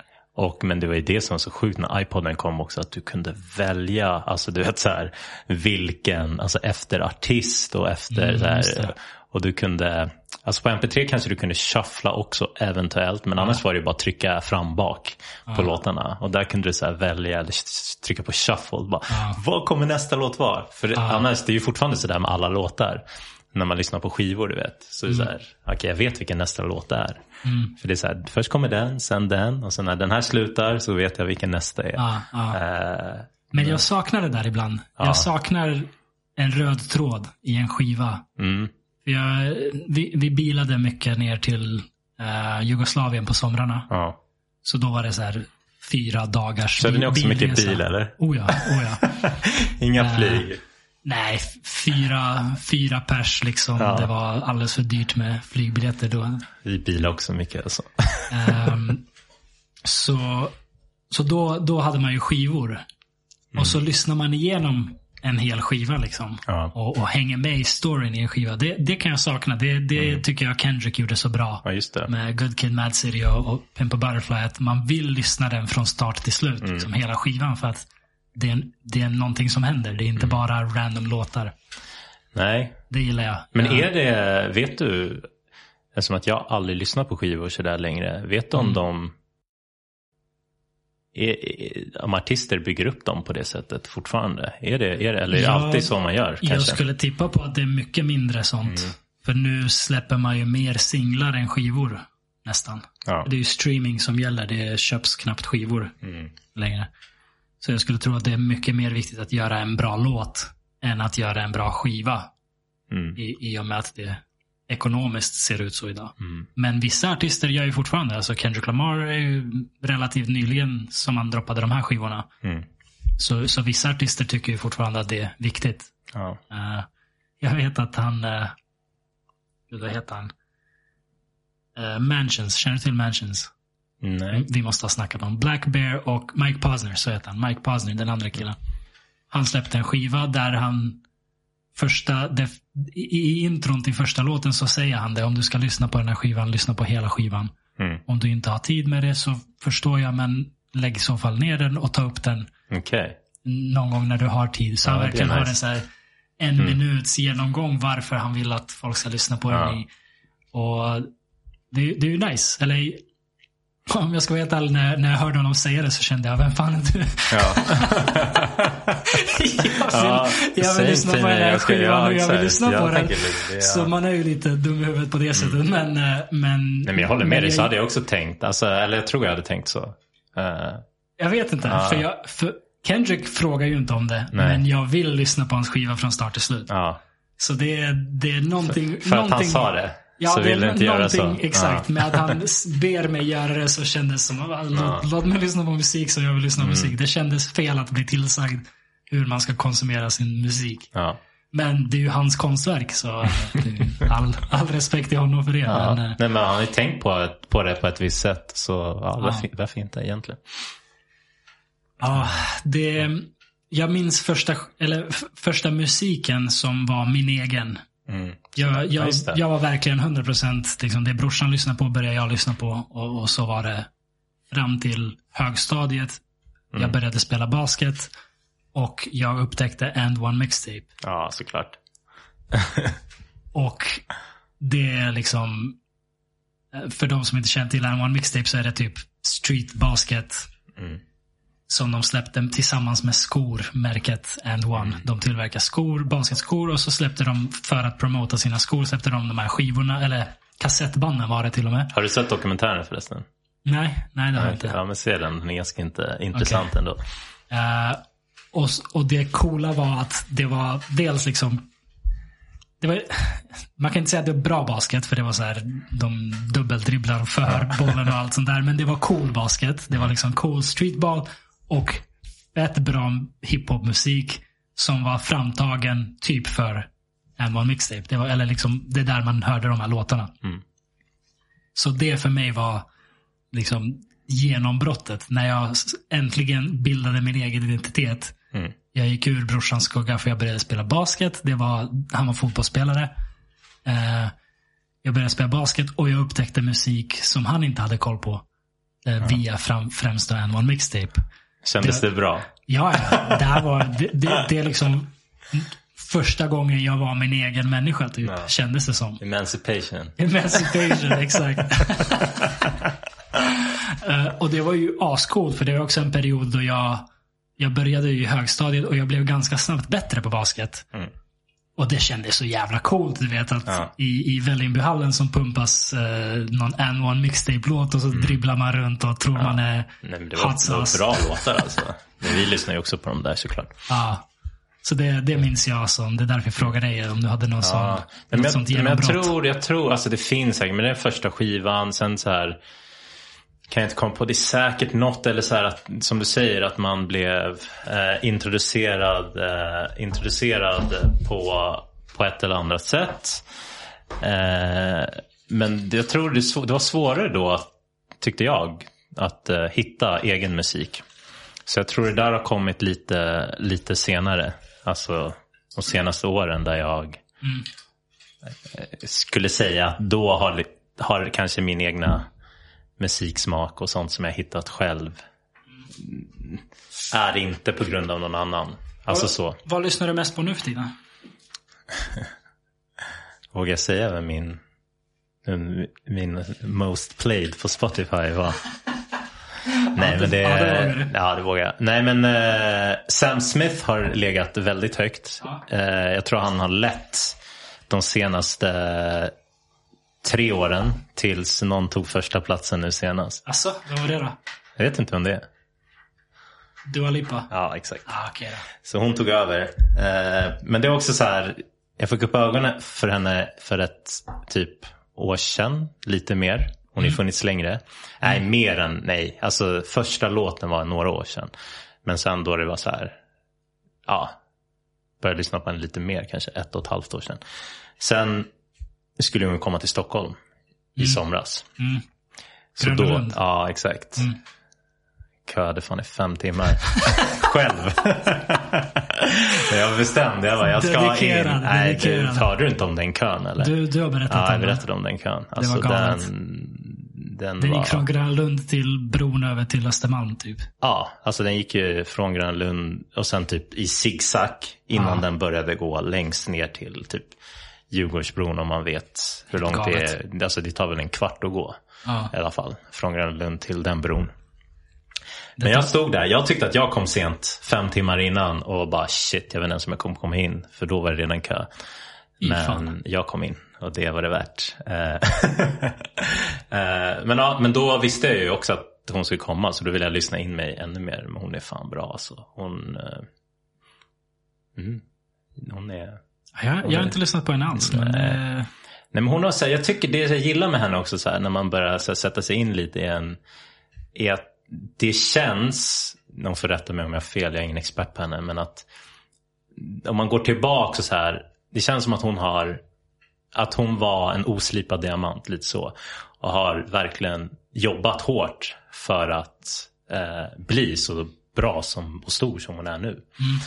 Eh, sen hade hon det väl alltid, alltså säkert mindre oslipad än många andra så. Men alltså där, ja. Och, och, ja. Hon har fått ändå jobba lite för att eh, komma dit hon är. Så det känns... Och sen tycker jag, vadå, jag tycker, jag tycker hon gör bra låtar. jag eh, fick också se någon, en artist som jag eh, alltid gillat. Eller som jag, som jag gillat mycket längre än vad du gillar Dua Lipa. Men, men Nu i år eller? I förra året eh, på Grönlund. MIA. Ja men det var väl också, eller hon var ju här i somras. Ja, Ja, du var där då? Ja, Ja, jag så var där. ja, förra året blir det ju. Jag Ja. gick inte på den, men hur, den var fet eller? Alltså, jag, jag har varit fan av henne sedan hennes första skiva. Alltså, Ja, hon, hon eh, det, det, jag kan absolut säga att det är en, kanske en av topp tre artister jag har lyssnat på i mitt liv. För att varenda grej hon har släppt har jag följt. Liksom. Men det är det, alltså så här. Det var ju också många som gick på den. Jag tänkte gå, men, Ja. jag, men jag har inte lyssnat på henne i så mycket. Det är typ en låt. Hon är så jävla cool. Hon är så jävla cool. Hur många bra låtar har hon släppt då? Många. Det är så många. Alltså, ja. jag tycker ju det. ja. Nej men det, det är liksom, Men hon är, hon är cool för att hon är, hon är så här. Hon är inte en popstjärna. Hon är liksom en badass. ja. hon sökte in, hennes farsa var en av ehm, ehm, Tamilska tigrarna, kallar de sig så, i Sri Lanka. Eh, Okej, ja nej jag vet Ehm, inte. Beroende på vem man frågar. Antingen frihetskämpar eller en terroristgrupp. Mm. Eh, liksom så, så hon var, det var hennes farsa. Så de fick lämna Sri Lanka och åka till, eh, eh, bo, bo i England, tror London. Ehm, och hon, hon ville komma in på en musikskola men hade inga typ credentials eller någonting. Så hon, snack, eh, hon blev nekad. Och så gick hon till rektorn och sa antingen släpper du in mig i den här skolan eller så kommer jag bli prostituerad. Okej. Vadå, hur gammal var hon då? Eh, jag vet inte, det måste ha varit Nej. tonåring liksom. Ja. Eh, och det var nå jag vet inte om det var musik specifikt eller om det var eh, film och så här, kreativ skola. Jag Mm. vet inte. Eh, men det var i alla fall hennes sätt att ta sig in. Hon blev nekad och hon sa till honom antingen släpper du in mig eller så blir jag prostituerad. Mm. Och så kom hon in. Ja. Eh, och så blev hon MIA liksom. Ja. Det är så jävla coolt. Eh, Står MIA för något? eh, hon heter Maya. Ja, okej. ja. Så ja, Säkert Och- därför hon kallar sig för MIA. Antagligen. Det, det finns en koppling där. så, så jag hade aldrig sett henne live. Mm. Och jag har knarkat hennes musik. Jag jag älskat allt hon gjort. Liksom. Mm. Men det har bara inte blivit av. Så jag ska gå och se henne på Grönlund. Jag är så jävla glad. Ja. Och, och hon har alltid varit en badass. Hon har alltid kommit med liksom rebe- hon har varit rebell och, och, och ja, allting. Kommer dit. Och så berättar min kompis som jag är med där med. Han bara, har du hört förresten att eh, hon har blivit kristen? Okej. Jag bara, va? Kristen? Va? Mm. Och, vad snackar du om? Då visar han, drar han upp en artikel. Då har hon haft en intervju bara någon vecka tidigare och berättade att hon har så här funnit Jesus och blivit supertroende. Och då inser jag att det är så här ett tre meter högt kors på scenen Okej. som sen används i showen. Och så blir det asmycket kristna budskap i, i showen. Och jag, är så här, jag, jag har inget emot kristendom eller religion eller whatever. Det är liksom... Mm. Det här är inte den artisten du känner igen? Men det eller? är inte liksom den här rebellen Nej. som säger fuck you till alla. Hon, hon, gav, hon gav för så här fuck you på eh, Super Bowl. Mm. Hon fick uppträda i Super Bowl. Hon gav ett fuck you i kameran. Så Super Bowl, det är så här Ja, helt- hon har gjort halftime show eller? Ja, tillsammans med Madonna och Britney Spears tror jag det var. Mm. Eh, och, och Super Bowl är så här helylle, du vet, Mm. det, det får inte hända. Hon, var, hon skiter i, hon gav dem fingret. Eh, hon har blivit liksom eh, banned från att komma in i USA. Du vet, den typen av människa. Mm. Och nu har hon så funnit Jesus och så, och så är det ett tre meter stort kors på scenen och jag är så här, Va? Och jag, som sagt, jag har inget emot vem, vem som helst som liksom finner vilken religion som helst. Men varför ska man sen liksom göra det till det centrala budskapet i, i, i, i allt man gör? Det, det kändes bara som så här. Det här är inte vad jag kom för. Nej. Antiklimax. Och så snackar hon så här. eh, Hon pratar om hur hon inte blev insläppt i USA och grejer. Hon bara, but that was when I was a bad gal. Now I'm a good gal. Och man bara, nej. I want the bad Jag, jag gillar ju dig för att du är bad gal. Mm. Ja, Så jag det verkligen, det kändes som så här. men var det en dålig... Tyvärr Eller var konserten då. också väldigt dålig. In, in, hon var skitbra. Hon körde ju sina låtar. Mm. Men eh, hon hade ett helt nytt crew. Okej. Så, så här, ljudtekniker, allting var helt nytt. De hade aldrig jobbat tillsammans innan. Det här var första stopp på hennes turné. Så Hur, det var, hur, vet, hur vet du det här? Det, hon berättade om det. Eller Aha. liksom, ja, I showen? Ja, för det Ah. var så dåligt ljud att hon var arg. Ah, okej. Man såg det. Alltså, det, det. Det var jättedåligt ljud. Man hörde knappt henne. Musiken är för hög. Du vet, all, allt var... Och, och låtar spelades upp i fel ordning och, och tempot och allt. Allt var liksom fel. Så hon blev irriterad under showen och sa det. Att så, att all, alla är helt nya. Och gav några så här pikar till att de var dåliga och sådär. Eh, så tyvärr var det väldigt dåligt så också. Men jag kunde ju alla låtar. Jag sjöng med till varenda liksom, låt. Och, Stod det längst fram också? Inte längst fram, du vet hur Grönlund är. Det, Ja. det är så här fem miljarder 15-åringar längst fram. Eh, Men, men jag var nära nog och det var, hon var skitbra. Hon var skitbra. Men det är så här, det, jag vet inte, det, det kändes tråkigt att nu ska hon så här injicera en massa religiösa budskap och, och, och pusha det och nu jag har funnit ljuset. Det är så här, ah, kul för dig men du vet. Varför, varför blir det det? Ah, jag vet, jag, jag, jag ska, alla har väl sin väg i livet men det, det kändes, det var inte riktigt vad jag förväntade mig. Nej men speciellt om det är en sån artist som du eh, har, har väntat så länge på att se och sen är det inte riktigt det du hade hoppats på. Och, men hon hade ett inslag med ehm, där hon visade upp en bild på Julian Assange och snackade om att eh, frigöra Julian Assange, vilket jag uppskattade väldigt mycket. Mm. Det, det, det är en, jag vet inte hur mycket du känner till om fallet Assange, men det, det är typ det viktigaste rättsfallet i Europa just nu. Jag kan inte påstå att jag känner till det så mycket. Vi behöver inte gå in på det så mycket, men eh, han, han är åtalad för att han läckte ut eh, känsliga videos på amerikanska brott i kriget i Irak. Mm. Eh, ja, Irak och Afghanistan med Wikileaks. Hur, Um. hur eh, nytt är det här fallet? Eller alltså har det på, hållit på länge? Det, ja, det, det är relativt nytt som han är fäng, i fängelse. Eller relativt nytt, han har varit i fängelse i flera år nu. Mm. Men han är i fängelse i England och USA försöker få honom utlämnad. Mm. Eller överlämnad till, till USA. Där han står åtalad för så här, spi, sp, eh? Spionage. Spionage. Tack. Ja. Eh, och kommer få flera hundra års fängelse om han blir dömd. Vilket han kommer bli för att USA vill döda honom. De har, Deras underrättelsetjänster har haft planer på hur de ska döda honom i England. Mm. Så det är, så här, det, det är kört liksom. Om han kommer till USA. Men han är en australiensisk medborgare som bara är journa- journalist. Och som publicerade material han har fått tag på. Mm. Samma som liksom vilken tidning som helst. Ehm, så det är fakt. Ja. Helt enkelt, det är fakt. Och jag uppskattar att MIA använder sin plattform för att, eh, för att liksom, ja, highlighta det här. Mm. Sidospår. Sidospår, vet inte, jag kommer inte på det. Men eh, Ska vi... ska vi ta en, ta en rom? En skål? En skål. Ja, vi har inte skålat än. Jag tror vi körde en skål precis i början. Men det Okej, skadar inte det var dags för en ny. Det, det är en sak jag har tänkt på.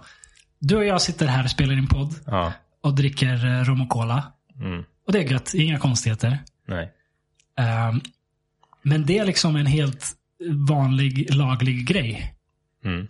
Tänk om vi skulle sitta här och röka weed. Mm. Eller typ dra ladd eller vad som helst som är olagligt.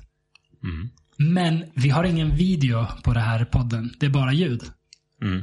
Skulle det kunna användas som bevismaterial? Eller ska, kan vi bara låtsas? Liksom? Jag sitter och bara, Alltså jag är ingen jurist. så så, så jag, jag, jag vet inte vad, vad de... Jag spontant tänker att det skulle vara väldigt svårt att bevisa. det måste ju vara det. Det måste ju... Samtidigt så skulle jag säga till alla som lyssnar, gör det inte. Fast du inte vågar. Okej, ja. Ja, men ska du bryta mot lagen, spela inte in dig själv medan du bryter mot Mm. Nej, lagen och nej. publicera Nej, online. Det, det, är bara, det är bara dumt. Ja, nej, nej men jag tror, eh, jag tror att... Ja, jag vet, jag vet inte hur de skulle bevisa det. Det skulle antagligen vara, vara svårt. Fast om man nu på riktigt gör det Mm. och det finns eh, liksom inspelningar online där man verkar göra det. Ja. Så lär ju det inte lyfta ens fall i alla fall. Det hjälper inte. Jag tror inte det hjälper. Jag tror det är jävligt dumt att göra. det, Alltså, Man drar antagligen till sig lite uppmärksamhet som man vill, inte vill ha. Ja, exakt. Ja, Så det ska vi kanske inte göra. Vi undviker det. vi undviker det. Det låter som en bra idé. Mm. ja, men uh, rom och cola går alltid hem. Det är lite vår grej, eller har blivit över åren. Det- Eh, det har hänt Tycker du fortfarande att det är lika gott? Eller är det så här? Det är det enda jag dricker om jag, om jag liksom väljer fritt. Okej. För jag, jag känner, för du, jag har inte sagt det till dig.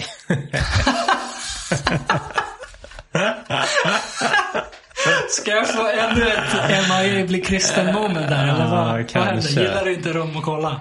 Jag gillar rom och cola, men jag känner att liksom kapten och cola, jag, Ja. alltså börjar jag Du är trött på den?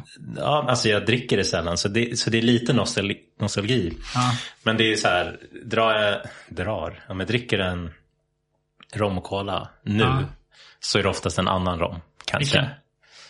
Jag gillar Plantation, Mm. eh, den är nice. Och sen är det ofta typ Ron Barcelo tror jag att den heter. Mm, Den är också Eh, nice. De är lite mindre söta kanske än, Mm. än eh, tycker jag, än Captain Morgan. Det är fortfarande gott men Ja. jag tycker att du ska, du ska fundera på om du, vi ska Jag är testa extremt simpel. Ja. Alltså när det kommer till mat och dryck. ja, det vet jag, jag, för är extremt Du är ju så simpel. okräsen som man kan bli typ. Ja.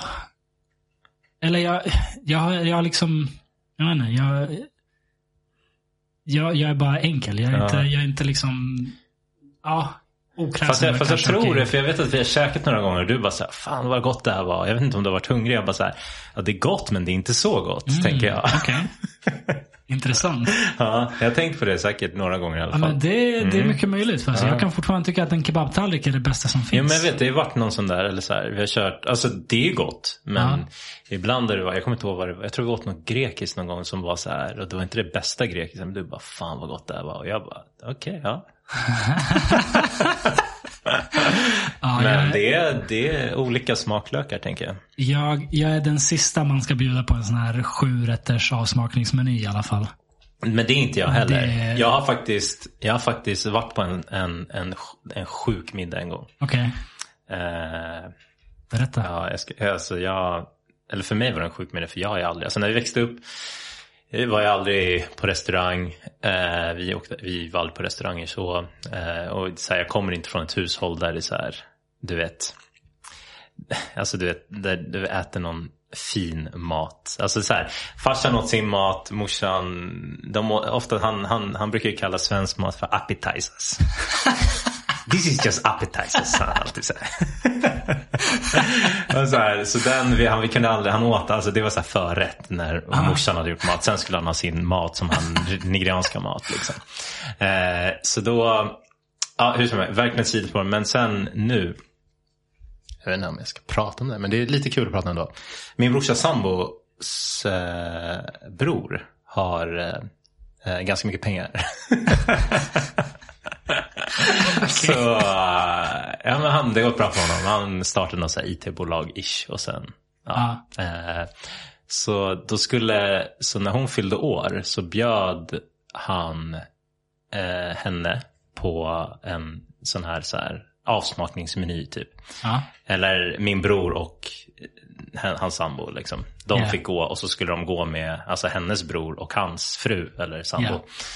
Eh, Även om de är gifta. Men hur som helst så blev eh, hans eh, sambo eller fru eh, sjuk. Så då behövde de någon så sista Mm. minuten som skulle in på den här. Eh, så ringde brorsan mig bara, kan du gå typ? Vi har en extra plats. Och då, då gick jag på den. Och det är sjukt trevlig kväll, sjukt kul eh, hade vi. För det var så här.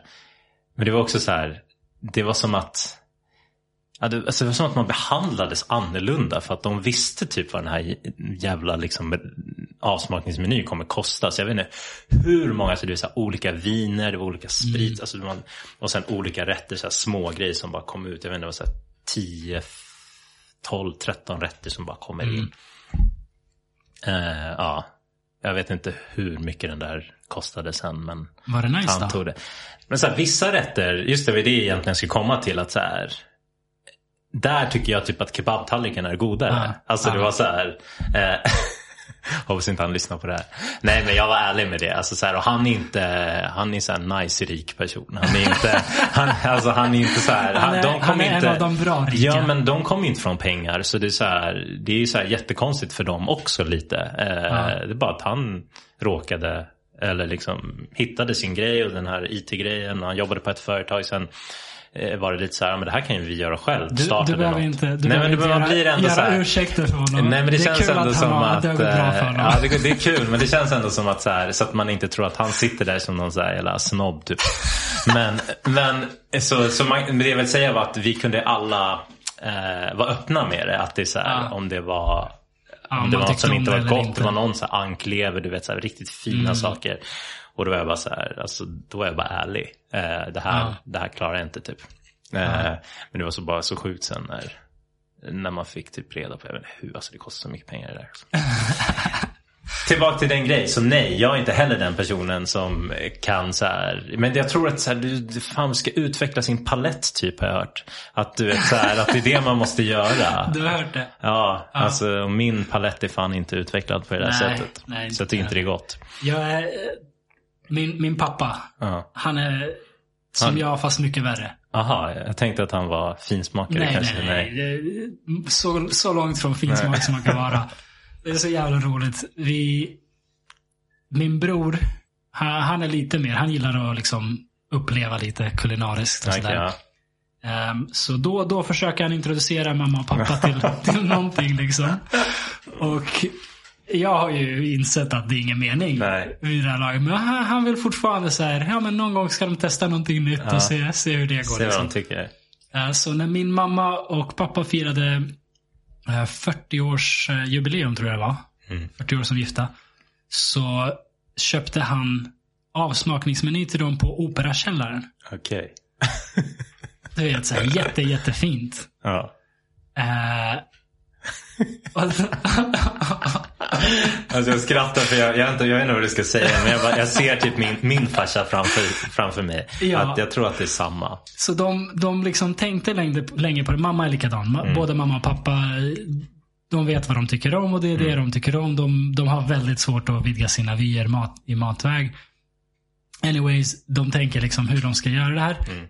Till slut bestämmer de sig för att tydligen finns det, förutom Operakällaren så i vägg i vägg med det så finns det en liten bar. Jag vet inte vad den heter. Ba, bar och restaurang som är del av Operakällaren men med liksom mycket enklare ställe.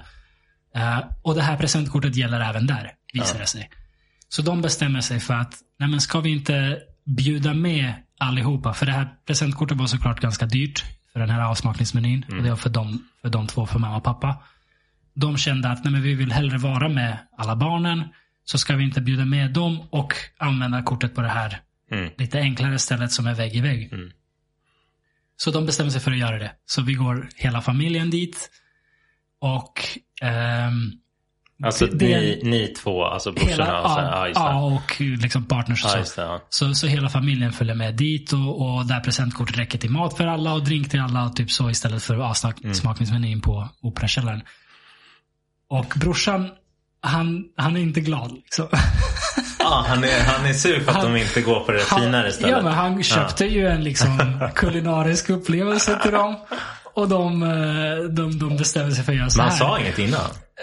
Jag vet inte. Nej, det kanske Ja. mellan dem sades någonting. Men du vet, han är inte jätteglad över det här. Nej. För han ville vidga deras vyer. Så vi kommer till den här baren. Pappa beställer köttbullar och potatismos.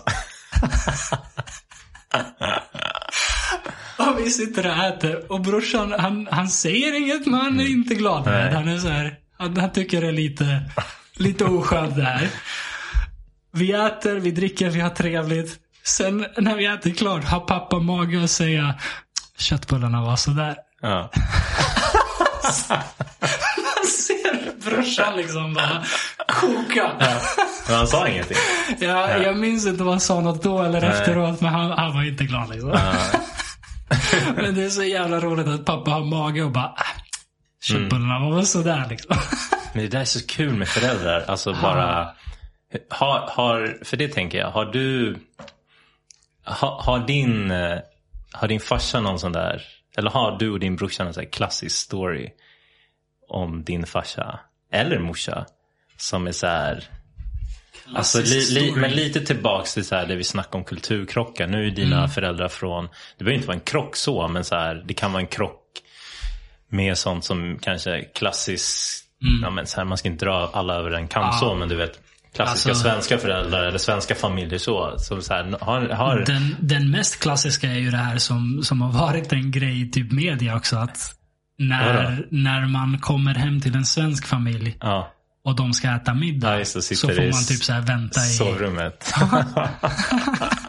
Det hände min bror. ja, Och du vet, i vår kultur, det, är- det är Nej, of, ofattbart. det finns inte. Nej. Ofattbart. Alltså, Ja. kommer vi med någon kompis Mm. till, till oss, eh, ungen, men det ungen ska matas. Det där är så... Fan, vem- pratar jag om det där med? Att det är så här... Så var det någon sa, som sa så här, ja men det kanske för att... Fast det är, det är vissa familjer kanske att det var så här att uh, har man typ hört att de tycker att eh, Alltså rent ekonomiskt att det kan bli dyrt om så här, kidden har många vänner över många gånger liksom, eller ofta. T- Var det någon som sa till mig, jag bara, ah, okej, ja, så mycket dyrare kanske det inte blir. Jag vet inte. Alla har det olika ekonomiskt ställt. Men annars, alltså den där grejen, jag kan inte förstå den. Det har inte hänt mig. Men Nej. skulle det hända mig skulle jag bli helt paff. Ja. Det, jag, jag kan inte, alltså om, om vänner kommer över till mig nu. Mm. Alltså att någon ska lämna hemmet hungrig. Ja. Du vet, jag, jag, jag slår mig själv med en toffel. Min Mm. mamma behöver inte komma hit. Det, här, det, kan, det får inte hända. Nej. hur, man vill vara en god värd. Man vill liksom ta hand om sina gäster. Mm. Så jag, jag förstår det inte. Nej. Sen, jag, jag har hört liksom argumentet att folk, eh, folk inte ens vill att om deras unge går hem till någon att de ska få mat. För att du vet, man tänker på eh, diet. Vad man ska ge ungen och, Ja, och sådär. Man vill uppfostra ungen att vad det nu än är. Om det är en viss typ av kost eller Ja, inte det. så mycket av det här. Ja. Så det är väl det enda. Men, men även, kom igen. Mm. Du vet, en, en, en middag. En middag. Så för mig är det helt ofattbart. Jag, när, när det hände brorsan så har jag för mig att jag typ tappade hakan när han berättade. Ja. Så, va? Hatar de dig? Ja. Nej men alltså för jag undrade ändå för jag tänker att vi, vi är faktiskt eh, Det var kul att lyssna på ditt eh, avsnitt med, med din farsa. För jag har eh, Jag är evigt tacksam vad säger man, till din farsa för att han har filmat dina matcher. Så Ja. jag får se någonting från, eh, det har vi inte pratat om när vi, när vi spöade er. Eh, I åttan och nian. Eller Ja. nian kanske det var. Mm. Okej, ni vann först, sen vann vi. Men att de finns, det är så kul att de Mm. matcherna finns. För dig, men för mig var det ju, det var ju bara något år sedan jag fick se dem. Eh, för första gången. Eh, som han har spelat in. Så det är kul. Men Mm. jag tänker, annars har jag ju kanske träffat din farsa, jag tror jag har träffat honom kanske en gång. Okej. Hemma hos dig någon gång. Sen vet jag inte så mycket om din farsa. Det är därför jag undrar. Och vi, har, jag, vi har inte pratat så mycket om dina föräldrar så. Så det var därför jag tänkte om han har, så jag vet, eh, nu fick jag ju lära känna honom lite i ditt avsnitt där. Men annars vet jag väldigt lite om honom. Och så här hur han, eller någon av dina föräldrar, men så här, man tänker alltid att Oftast har ens föräldrar, jag vet inte, det är lite roliga historier om ens föräldrar typ. Mm, mm. Det var därför jag undrar om han hade någon sån som ni brukar, Ah, säkert. Är inget du Säkert. kommer på så. Ingen liksom typisk klassisk, men det där med att han filmade allt. Ja, det kanske var han känd för det, han som Ja. filmade. Ja, han filmade ju så gott som alla mina matcher Mm. och brorsans fotbollsmatcher. Ja. Och han filmade jättemycket på så här, du vet, födelsedagsfirande, nyårs, nyårsfirande. Gillade han att filma eller har ni pratat med honom varför han, eller var det så här, det här kommer vara Det kul ju, för dem alltså, sen? Det, det är ju ovärderligt. Ja. ja, det är ju hur bra det som helst. ovärderligt. Jag, Men tänkte han på det? Att det här kommer bli kul för dem sen? Eller för mig? Säkert, säkert. Ja. Men eh, han, han fick ju alltid skit för att han står hela tiden och filmar. Och, och Står i vägen, det eller? Nej men Nej. Det så här, kom och upplev typ så. Va- Vem fick han skit då? Ja men typ oss andra. Att så här, kom, och, kom och häng. Aha, vet. Lägg, ner, lägg ner kameran. Ja men du vet så. Och att han filmade Han väldigt... visste något som ni inte han- visste? Ja, ja, 100 procent. Nu är jag ju som du. Jag är Mm. evigt tacksam. Det är ju fantastiskt att ha alla de där videorna. Inte bara från basketen utan allt. Ehm, men han filmade också väldigt långsamt. Du vet. Han skulle, när han, när han När, för kameran åt sidan så går det jättelångsamt för att han vill att det ska bli bra när man tittar på det. Att det inte rycker, du vet. Sådana där saker. ja, men Så han är ändå med honom. Han är ändå med och han var inte så att han alltså, vänder på huvudet men inte kameran. Den är ju mer klassisk. Eh, nej, han var Nej. med. Han var Ja. med. Och, så det, vi har ju alltid drivit med honom. Han är ju fortfarande så att han fotar och filmar väldigt mycket. Nu, nu är det barnbarnen. Liksom. Så fort någonting händer så är kameran uppe och det är tusen bilder. Liksom. Det är hur mycket som helst. Eh, Och vi har alltid drivit med honom. Men i slutändan har alla varit så glada att, över att allting finns på, på video.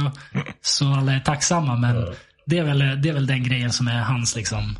Men då var han alltså duktig för min farsa skulle också filma, eller inte så mycket av oss men typ om vi var om vi åkte någonstans eller var någonstans med han så snackade han liksom och skulle liksom vara någon så här jag vet inte, någon 90-tals vloggare fast alltså, vet, bakom kameran så här och bara så här filmade och då kunde han ju vrida huvudet och filma så fastnade Ah, han på en så här husvägg så här, i typ så här, ja, jag vet inte, alltså länge, alltså typ Ah. ett par minuter du vet så här och bara oj och sen du vet. Ja, så han var inte så, ni ska ändå vara tacksamma att din Oh, ja. pappa vet hur man filmar. Det, och det är roligt att du säger det. För det, jag, anledningen till att du såg de här videorna för något år sedan är för att jag för något år sedan digitaliserade alla kassetter. Ja. Eh, Så alla de här basketmatcherna fanns på kassett och jag förde över det till digitala filer. Och då delar jag det, liksom, de matcherna där du är med, delar jag med dig och, och, och jag skickade eh, till Kurt någon, någon Skure-match och, och Har sådär. du, hänger du med Kurt? Ja, vi är typ vänner på Facebook. Vi har hängt någon gång. Men vadå, pratar ni? Nej men alltså så här.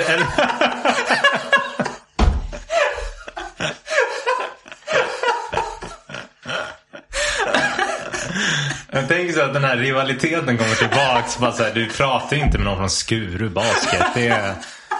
Nej, jag skojar bara. Jag, jag hälsar i alla fall på Kurt när jag ser honom. Men det är också, vi kanske ska berätta om Kurt var.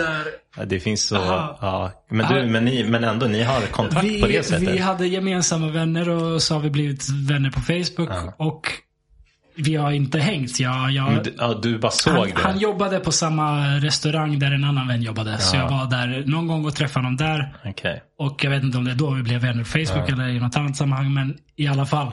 Mm. När jag digitaliserade de här grejerna så var det en match med, mot Skuru och Kurt var skitgrym. Ja. Så då skrev jag till honom. Jag, vi har inte hört på massa år men här, här är en video på dig liksom.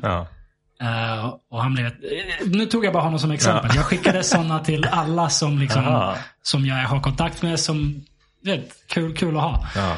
Eh, och det var exakt som du säger. Alltså, Folk är så här så otroligt tacksamma för att Mm. Ja. min pappa hade kameran uppe. Nej men det är så, alltså Och- jag har ju inget från, det är så här, alltså det är så här, man bara, och sen när folk frågar så här, vi körde en sån här mini-reunion, det är en kille från vårt gamla basketlag som spelar, eller han är så här skådis typ, han kör, hade någon så här teater, eh, ja, vi kollade på en teaterföreställning förra helgen. Och då var det så här, Eh, och sen hängde vi lite efter så det var så kul att träffa gamla grabbarna. Och sen var han på scen och eh, det, det spåret tog han. Alla har ju tagit olika spår. Och sen hängde vi kvar på teatern efter, drack några öl och snackade. Och då var det någon annan som var med så här, ja ah, men vem var bäst då? Typ så här. Eh, och sen alla har ju sin uppfattning om vem som var bäst i laget. Och Ah. de flesta har ju sa- ungefär samma uppfattning om vilka som eh, var bäst i laget. Det brukar inte skilja sig så mycket. Nej. Men det är så här. Det är också bara snack nu. För det här är ju alltså 20 år sedan. Mm. Så och då är det så här, eller snart 20 år sedan. Och då, då vet man ju inte. Så det är så kul att se så här, hur såg det faktiskt ut när vi Mm. lirade. Vilka, och det, det är därför det är så kul att se. Så här. Det- man bara, det är ja men jag var, jag var ganska bra. Eller han Ja. var också ganska bra. Och sen så här tittar man och så bara Uff, okej. det, det jobbigaste, jag har ju kollat ganska många av mina matcher. Ja, Eh, Det jobbigaste var att se jävlar vad jag fick speltid och några andra fick speltid. ja. Och vad, rest, vad många andra fick liksom bänka. Var det jobbigt att se? Ja, det var det. Alltså det, då var det ju det, jag, det var ju det bästa som fanns. Ja. Jag, jag brydde mig inte, jag ville vara på plan. Ja, Så jag var ju bara glad. ja. Men nu, alltså det här är ju några av mina närmsta vänner. Mm. Nu kollar jag Vilka på då? det. Ja, nu, nu, Outa dem. nu, nu kollar jag på det och så ser jag dem bänka matcher där vi leder med så här 40, Mm. 50 poäng. Ja, De bänkar fortfarande. Och det var någon match där coachen tog in de som normalt får bänka. mm. När vi ledde med så här 40 poäng eller någonting. ja. Och de hade typ så här två, två, tre dåliga possessions. Utbyta direkt. Ja. Allihopa utbytta och in med liksom startfemman igen när vi leder med 50 poäng och det är så här tre Men det är ju minuter kvar. tillbaka till det där hur eh, säkert fortfarande alltså folk coachar. Alltså så här, Ka- katastrofalt. Alltså det, det, det är barn. Det är liksom tonåringar som man bänkar på det sättet. ja, Visst, vill man vinna och, och, och pusha när det är jämna matcher, låt de bästa spelarna, ja. Men det är så här, men det där, tänket, 30-40 det där poäng. tänket fanns ju inte. Alltså, du- både du och jag är var, coachar. det var hemskt. Det är inte. Eh, nej, det är inte okej. Och det är så här. eh, och jag menar, jag, var, jag är inte helt oskyldig när jag var yngre och coachade. Eh, men jag försökte vara ganska rättvis och så här. Och jag vet i alla fall att man tänkte på det så här. I alla fall de som, de som inte tränade. För det fanns ju ändå den strukturen, policyn. Att så här, tränar du inte så jag fick ju världens utskällning av en förälder en gång som bara så här och kallade mig för mobbare. Typ, så här, som, men jag bara, vet du att din, din, spel, eller din dotter inte har tränat? Alltså på flera veckor. Mm. Hon säger kanske att hon går till träningen men hon är ute på en fika. Det är, så här, det är du som inte har koll. Jag sa inte det men det var det jag tänkte. För att hon inte fick spela någon match eller fick bara väldigt få minuter. För det var det jag, jag gick på. Och sen när det började bli kanske lite viktigare matcher men då fanns ändå det tänket att så här, okej. Eh, och speciellt med personer som tränade hårt men de kanske inte var så duktiga. Det var så här, okej. när, då fanns det, när kan jag få in den här spelaren? Eh, och liksom aldrig ta ut dem precis efter ett misstag. Liksom, Nej. då väntar man några possessions och sen byter man ut dem så att det inte blir så tydligt. Eh, men det, eh, sen var jag absolut inte perfekt men det var så här, tänket fanns. Mm. Många coacher man har haft har ju inte tänkt så. Det är ju bara... Det, det är ju inte lätt att coacha ungdomar. Nej. För det är en balansgång. Vill man liksom man, man vill utveckla spelare, men Mm. man vill också mot, motivera att liksom de, de bästa får mer minuter för att de är bäst. Det, det finns en balansgång där i hur, hur Ja, man och det är bra, det är bra alltså så här, behöver inte vinna, men det är ju inte bra för ett lag att torska varje Nej. match med 40 poäng. Men, men här var det liksom tydligt att matcher vi leder med jättemycket mot, mot Ja. lag som inte har Då, någon då chans. ska de ju spela. Så får de fortfarande bänka och det, det var jobbigt att se. Det är inget jag tänkte på då. För Mm. Att för jag ville bara spela basket, jag fick mycket speltid och det var Mm. askul. Ja. Jag tänkte inte alls på hur mår mina vänner som bänkar. Jag, jag var för Men- ung och dum för att tänka på det. Ja men tänk inte så. Det är, så här, det är samma i skolan. Man träffar, med, träffar gamla så här, vänner från grundskolan. Och, och jag tror att alla som gick i min klass, vi hade en ganska bra sammanhållning och sådär. Och det var Alltså vissa klasser, i, det var ju en kille ett tag som var Ja men han var lite mobbad men det blev bättre över åren. Eh, men om man så här, inte tar med honom eh, och så tror jag att vi hade en ganska, ganska okej sammanhållning. Eh, men sen har man ju pratat med folk i, i vuxen ålder. De håller ju med men man har inte samma bild av hur högstadiet var. För, alltså för när du är yngre, alltså, alla, det händer så mycket. Så Ja, att man, gud ja. man tänker ju olika och har olika minnen kring hur saker och ting var. Eh, och jag menar i ditt fall där, det är klart att så tänkte jag ju också. Fan, jag vill spela. Ja, ja herregud. Jag, Eh, jag, Och ofta var det så här, speciellt om man var bland de bättre i laget, då var det så Mm. här, okej, men eh, Joshi, den här och den här och den här måste vara på plan, för Mm. annars kommer vi torska. Och man vill ju fortfarande vinna. Eh, oftast var man ju snäll, men lite irriterad på de som kom in och fuckade upp. Liksom. så är det. Så är det. Och, och satt man på bänken så tänkte man, Ja, speciellt om man håller på att liksom torska eller, eller så. Det, så vad, vad händer? Ja. Jag, jag måste in. ja. Men jag vet inte, det- det är som sagt, det, det är inte lätt att coacha. Så jag, jag kanske, nu är jag ju en väldigt liksom, jag, jag, är, jag är en inkännande människa. Liksom. Mm. Jag, jag ser mina vänner i de här videorna Mm. bänka och det måste suga och, och nu ser jag det och bara säga fan vad tråkigt. Men samtidigt kanske det är bara så det funkar. Att liksom, Det är ju lite så de, det funkar. De, de bästa kommer alltid få mer minuter och, och, och, mer, och tycka det är roligare och de som är sämre kommer ja, ra- ramla av förr eller senare. Liksom. Mm. Ja, men sånt där och sen desto liksom högre upp, alltså då blir det ju det är bara att det där finns ju alltid. Det är bara att då blir det tydligare. Mm. Eh, problemet är ju att så här, okej, du ska inte bänka alls så mycket när du är så ung. Nej. Men det ska ju alltid på något sätt, tror jag, jag vet inte, jag har inte tänkt igenom det här, men förmedlas på något sätt varför vissa spelar mer. Jag tyckte att jag försökte alltid, när de i alla fall kom upp i en ålder, för man ska inte underskatta kids så, att de, de ser ju vilka som är bättre och vilka som är sämre. Och så här, det var alltid tydligt att när vi kommer upp till en viss ålder, då är det så här, eh, jag försökte aldrig så här mörka att så här, men det är tydligt att den här personen är bättre än en annan. Jag sa inte så här, den här är bättre, du är bättre än den här. Men att så här, det är tydligt, de vet om det. De begär inte att, eh, oftast inte att de ska få mer speltid. Men de vill ju också bli sedda och vara, så man måste bara här, hitta en roll för dem. Precis som i proffsligor. Du vet så här, vadå NBA? Det är ju fan bänkisar där också. Gud, ja. Men många, sen finns det vissa som ändå får lite tid och de har sin roll. Det är bara att det där måste ju bara alltid förmedlas och vara transparent med vilka roller man har. Jag tror att det är det som är, Nej, när, när det kommer till proffsnivå då är det en helt annan sak. Då handlar det om pengar och allt möjligt. Det är Ja. en business. Men det är ändå, jag tycker att alltid det här med roller och sånt, det kan man Ja, man, man har ju, vi har ju pratat om det innan att coacherna vi har haft har väl inte varit de bästa på Nej, de bitarna. nej de var... Nej, jag kommer, nej, nej, de var inte alltid bra. Jag kommer aldrig glömma när Sören kastade protokollet på dig. Alltså. Det är det bästa jag... Det, det där kommer jag... Alltså, det måste vi nästan berätta. Att så här, Ja. Eller så här kommer jag ihåg det.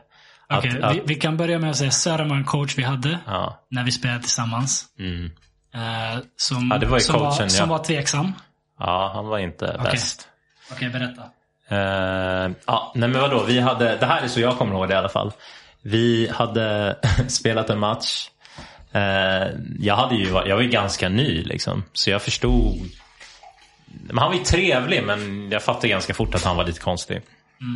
Eh, sen, eh, ja, men vi hade ju spelat match men det var ju assisterande som hade coachat den, tror jag. Mm. Sören var inte ens med och coachade den. Nej. Men sen hade han fått protokollet efter. Ja. Och sen nästa Och träning. vad stod det i protokollet? Nej men det stod, du, du hade fått, jag vet inte, du hade fått någon teknisk va? ja. Eller? Jag, jag hade fått tre tekniska. Du hade fått tre tekniska? Det här kommer inte, det kan, man kan inte få tre tekniska. Nej, man kan Ja. inte det, men jag Nej, fick det. Du fick det? Men ehm, jag, jag, jag, jag vet fortfarande att jag hade rätt. För övrigt. Jag tog en... Tappade något här bara. Jag, eh, jag tog en charge. Och domaren blåste foul istället för charge. Och jag, jag vet att jag stod där. Liksom, det var ingen... Anyways, jag, mitt temperament var väl inte det bästa på den tiden. Jag tjafsade med domaren, fick en teknisk. Jag tjafsade med domaren, fick en till teknisk. Och när jag går av planen, för att efter två tekniska får man inte spela något mer. ehm, Men då du blir utkastad Nej. från hallen? Ja, efter två, eller man får väl sitta på plan, jag vet inte. Eller på bänken. Efter två tekniska. Mm, Jag tror att du måste lämna hallen om du blir eh, utkastad. Okej. Så ska det vara, men det är inte så att alla domare Nej, vet det. det är sällan. sä- Men också, vad fan. Låt, låt folk sitta. Mm. Anyways, jag fick min andra tekniska, så jag går mot bänken och jag är så förbannad så jag sparkade på bänken. Det var en sån här pall man satt på. Ah, en sån här Eh, klassisk skolbänk eller? Ja, Nej. precis. så jag, alltså så jag sparkade på den. Och eh, fick tredje tekniska. Okej, ja. Eller då hamnade den väl på bänken istället Ja. för på mig. Så det var det eh, coachen var upprörd över. ja. Vilket rimligt. Jag menar, Fast det var inte bara det han rantade om. Han, det var ju också så här, Ja, träningen, träningen efter, så här kommer jag ihåg det. Vi hade en vanlig träning. Jag tror inte det var Just det. Ja, det Ja, hela träningen gick utan att han sa ett ord. Ja, han sa ingenting. Det var som så här. Vi förlorade en match. Det var inte, det var inte helt ovanligt att vi förlorade en match. Nej. Eh, som sagt, vi var inte det bästa laget. Eh, alltid. Eh, men sen, hela träningen går. Han visar inga tecken. Det är så också, han är så här typexemplet för en dålig coach. Ja. Eh, och så bara, han var inte på matchen, han har ingen kontext, han vet ingenting. Och så han bara, okej han grabbar, ställer inga frågor, frågar ingenting. ingenting. Han bara har fått protokollet. Ja. Och så bara sätter han oss i en ring efter träningen. Vi tänker bara att han ska ha något snack eller något. Och då går han från noll till hundra, du vet så här. Och börjar skälla ut oss. Och alla bara så vad fan, vad snackar han om? Vad typ hände? så här. Ja. Och bara kör sin, sin jävla, jag vet inte, vana. Han har säkert hittat den där speechen någonstans. Där han ska så här. Och du, och du, och du bara så här snackar och bara det här är så dåligt. Och så här, typ hittar han grejer i protokollet. Jag vet inte vad han hittar som inte var bra. Uh, och ja, sen. Och sen var det, sen bara från ingenstans. Och du! Och så pekar han på dig typ så här. En teknisk foul! Och du vet så här, ska visa sin ilska så han skrynklar ihop det här pappret, protokollet och slänger det mot dig. Och missar med typ så här en och en halv, två meter och det är så här, det är svårt att inte hålla sig för skratt nu. Och, och så bara fortsätter han. Och så tar han upp det igen. Så här kommer jag ihåg Ja. det. Och så Ja. går han lite till. Och så får han, lackar han för någon ny grej. Och på dig igen tror jag. Ja, ja. Och slänger igen. Och missar igen har jag för mig. Ja, Han- han ja. kastade två gånger Ja. och han missade två gånger.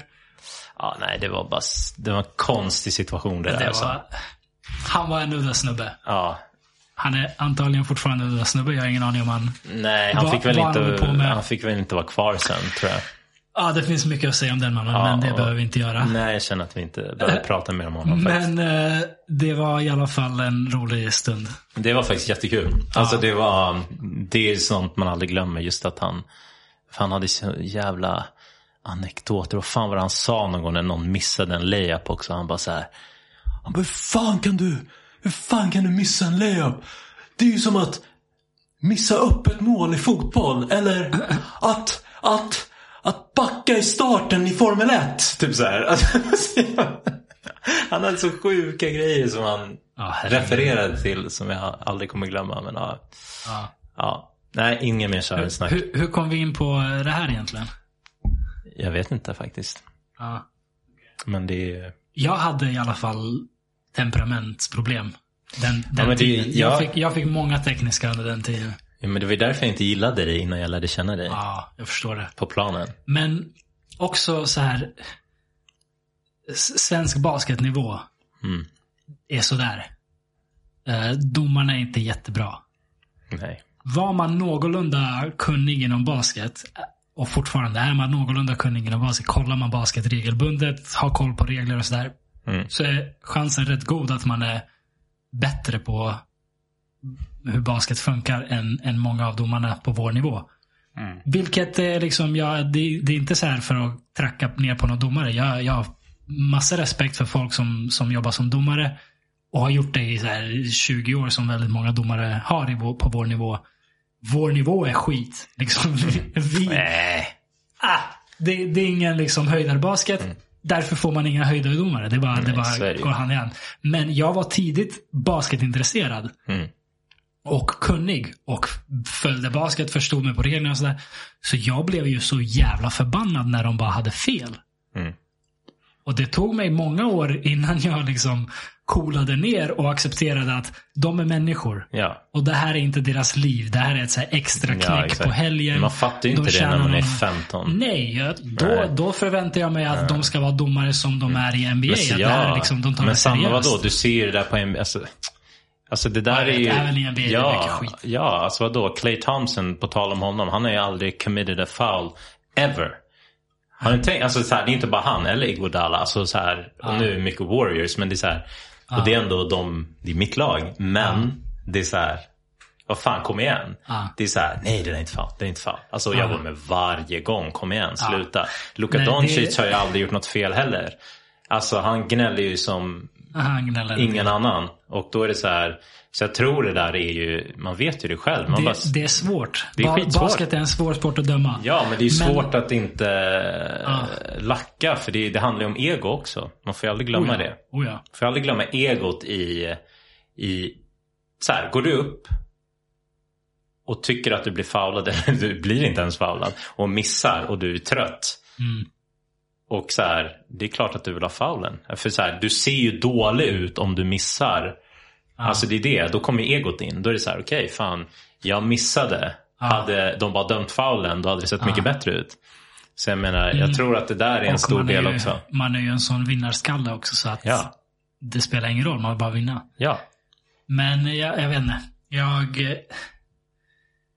Nu, nu händer det ju, alltså nu har jag inte spelat basket på, på ett år, men när jag senast spelade basket Mm. så händer det ju fortfarande lika ofta att domarna gör fel och är dåliga. Men du är inte lika hård mot dem. Ja, jag skrattar ju bort det. Ja. Här, eller okej, det händer ju någon gång att man bara, hallå, hallå, såg du inte det där?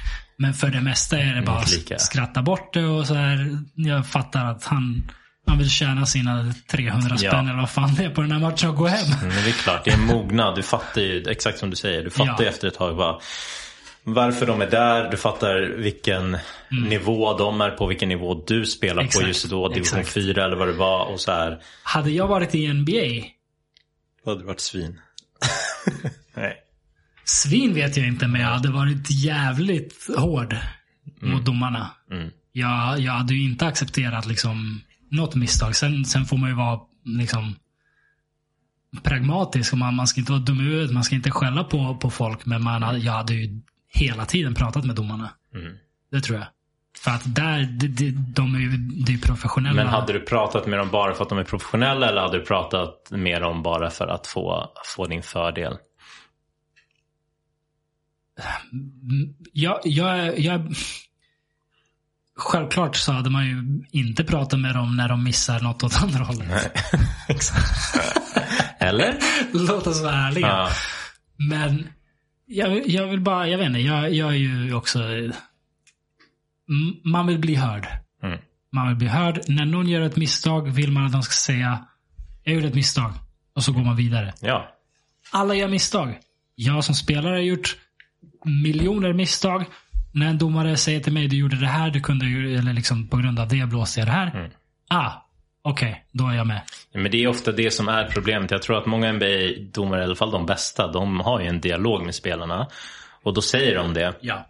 Och problemet är när vi lirade att Mhm, Liksom- Det var inte riktigt så. Nej men du vet så här, det fanns ju inget tålamod för att man lackade. För att de hade inte, de tog det också personligt. Och sen efter det då blåste de ju allt på en. Ja. Eh, och då ville man ju ofta att så här, okej kan de bara förstå eller kan man ha en dialog? Vissa vill inte ens, man försökte prata med dem. Men vissa, de kunde inte, de bara så här, bara man sa någonting eller bara så här, men jag vill bara snacka. Jag vill bara så här, vad, vad ska jag göra? Då var den teknisk direkt. Så det är så här, och ah, man måste förstå att de kanske inte alltid, vad ska man säga, jag vet inte hur mycket de pratar om sånt i sin utbildning. Att så här, låt spelare reagera och sen för dialog. För det var ju vissa ändå som man kunde ha en dialog med lite grann.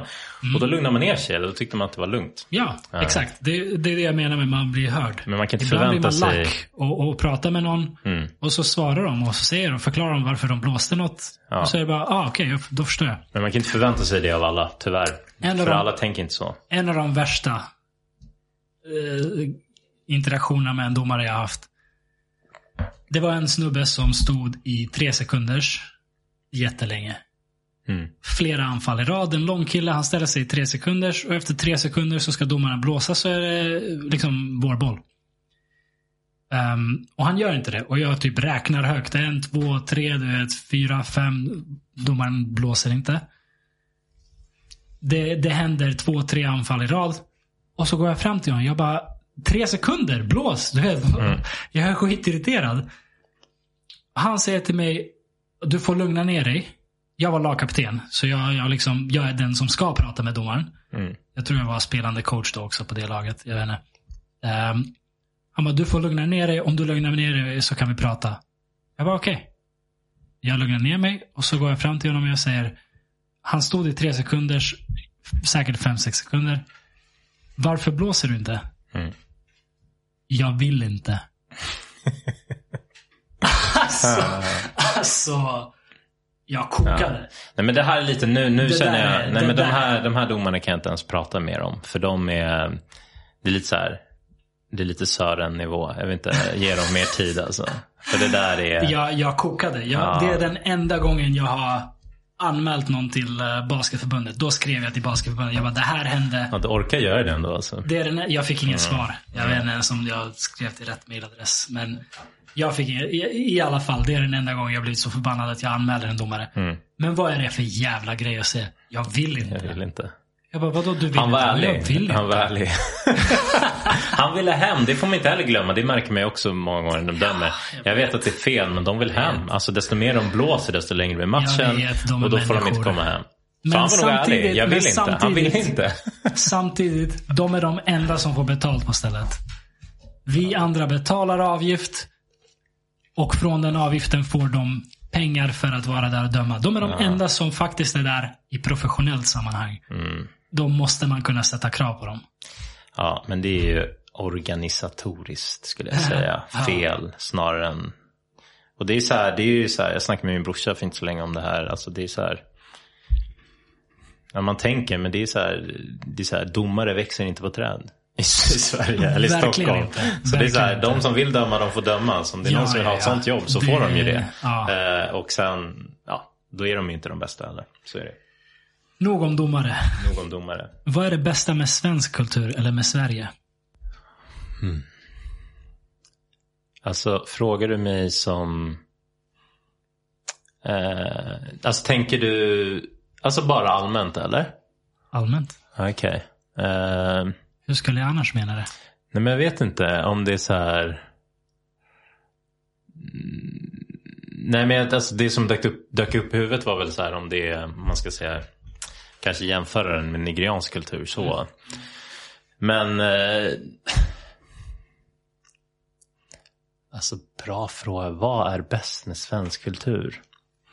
Eh, eller jag tänker ju spontant då att det är så här, okej, okay, att jag jämför de två. Men du får jämföra de två. Ja. Det är ju antagligen det som är din referensram. Nej men exakt, men jag tänker lite för jag tänker så här, för jag, jag brukar alltid säga att jag tycker inte att min morsa är hon är nog typiskt svensk, men hon är inte så typiskt svensk. Hon mm. är um, Hon är lite så här Ja men ja, nej men hon är nog typ, hon är svensk men hon är väldigt Ja, jag vet inte, vi behöver inte gå in på henne. Men jag vet inte, jag tror nästan du får hjälpa mig där alltså. Vad tycker du är typiskt svenskt? Jag vänder på den här igen som jag gjorde tidigare. För att jag, det är en snygg lösning när man det, tar ett det, svar. Ja, jag tror att jag bara behöver, behöver tänka lite på det. Ja. Sen, sen kanske det kommer, mm. kommer upp mer eh, om, du, om du börjar. Ja, jag har ett svar. Ja, du har ett svar. Perfekt. Ja, jag, jag har tänkt på det här tidigare. Okej, okay. då ska vi se om jag håller med eller om jag eh, kan utveckla Mm. Eh, Eller, ja. Disciplin. Mm.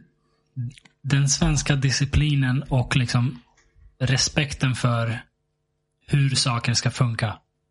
Okej. Den, ja, det, det är underbart. Det är underbart. Jämför man det med många andra ställen. Vad menar du? Alltså, ge mig några Saker exempel. funkar så som de ska funka. Mm. Du vet, eh, trafiken.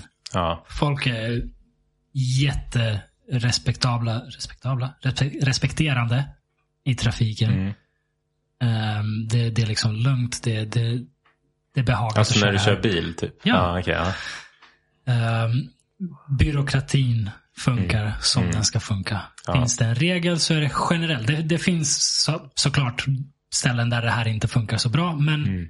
generellt finns det en regel, då är det så det funkar. ja. Det, det älskar jag. Mm. Det älskar jag. Att liksom man kan förvänta sig att saker funkar så som de ska funka. Det handlar inte om att vem känner du? Mm. I min så jävla typisk grej för Balkan. Så här, min, Okej. min mormor Mm. eh, bodde i Montenegro. Och vi skulle skaffa internet i hennes lägenhet Mm. ett år. Och då säger hon, ja men jag eh, känner någon som jobbar på en av de här butikerna. Så jag kan säkert skaffa internet. Mm. Och det, du vet, för mig, jag bara, va? Vad spelar det för roll? Du vet. Mm. Men det är mentaliteten. Det är så man tänker där nere. att så här, Ja. Du behöver känna någon. Du Just behöver det. ha kontakter. Mm. För så funkar det i väldigt mycket i, i stora delar av samhället. Att Ja. Det spelar ingen roll liksom hur saker bör funka. Det handlar om vem du känner, vem du är. Mm. Liksom, mutor om det behövs eller kontakter. Mm. Just det. Och jag blev helt paff. Du vet. Jag, jag insåg att jag skulle aldrig kunna bo här nere. Mm. Eh, internet, det handlar liksom om att ge ett företag pengar Ja. för att få en tjänst. En vara, en tjänst. Liksom. Och, och det var hennes spontana tanke att jag har kontakter så det går säkert att lösa. Mm.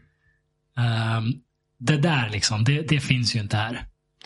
Nej, inte, inte på den nivån. Men jag tror det är så här helt outvecklad tanke att det där finns lite mer när du börjar komma upp eller hamnar i vissa situationer skulle jag säga i Sverige. Ja, Alltså där du börjar bli, jag vet inte, du vet jag fick ju anlita en jurist för några år sedan. Eh, eller ett juristbolag. Eh, I efterhand eh, så är det så här, okej. eh, där hade det varit bra att känna någon. Eh, kontakter är ju väldigt ja, viktiga här också. precis. Det är inget snack om den Så det är saken. på vissa, alltså på en annan, eh, men, inte men, internet kanske. men eh, när det kommer till kontakt med företag, kontakt med myndigheter. Mm. Liksom samma sak gäller för alla. Ja. i stort. Men sen självklart alltså att kontakter är ju vikti- Mm. kanske viktigare här om du ska få jobben på, på många andra ställen. ja, det är till ju, exempel. det är ju bland det viktigaste skulle jag säga om du ska Ja. gå till jobb. Ja, absolut. Så, så jag menar inte att det inte är viktigt här. Men, men när det finns en regel, när det finns liksom så här ska det funka. Då är det så det funkar Ja. generellt. Jo. Nej men så är det ju. Det är ju ganska bekvämt att bo i Sverige. Alltså om man jämför kanske med vänner som bor i andra länder eller när man har varit i andra länder och så här. Sen vet mm, jag inte hur mycket det handlar om att man blir bekväm med vissa grejer. Men skulle man kolla ganska objektivt så skulle jag också säga att det är mycket funkar i Sverige. Det är det Ja. alla säger också. Ja. Att så här, om folk har bott i andra länder och så här, ah, men nu skaffar vi barn, nu är vi hem till Sverige för Ja, där funkar det. Eh, så på så sätt är det ju. Jag, jag startade företag för några år sedan. Mm, Hade aldrig gjort något sånt innan. Hade inte det i familjen. Hade liksom ingen koll på hur det funkar. nej. Jag pratade med en vän som liksom hjälpte mig med, li- med lite information och så. Mm, Men jag startade företag, öppnade företagskonto, fixade allting på några veckor utan att någonsin träffa en människa. mm, Allt gick via bank, mobilt bank-id mm, och var klart liksom jättesnabbt. Ja. Jätteenkelt. mm. Och så här, shit.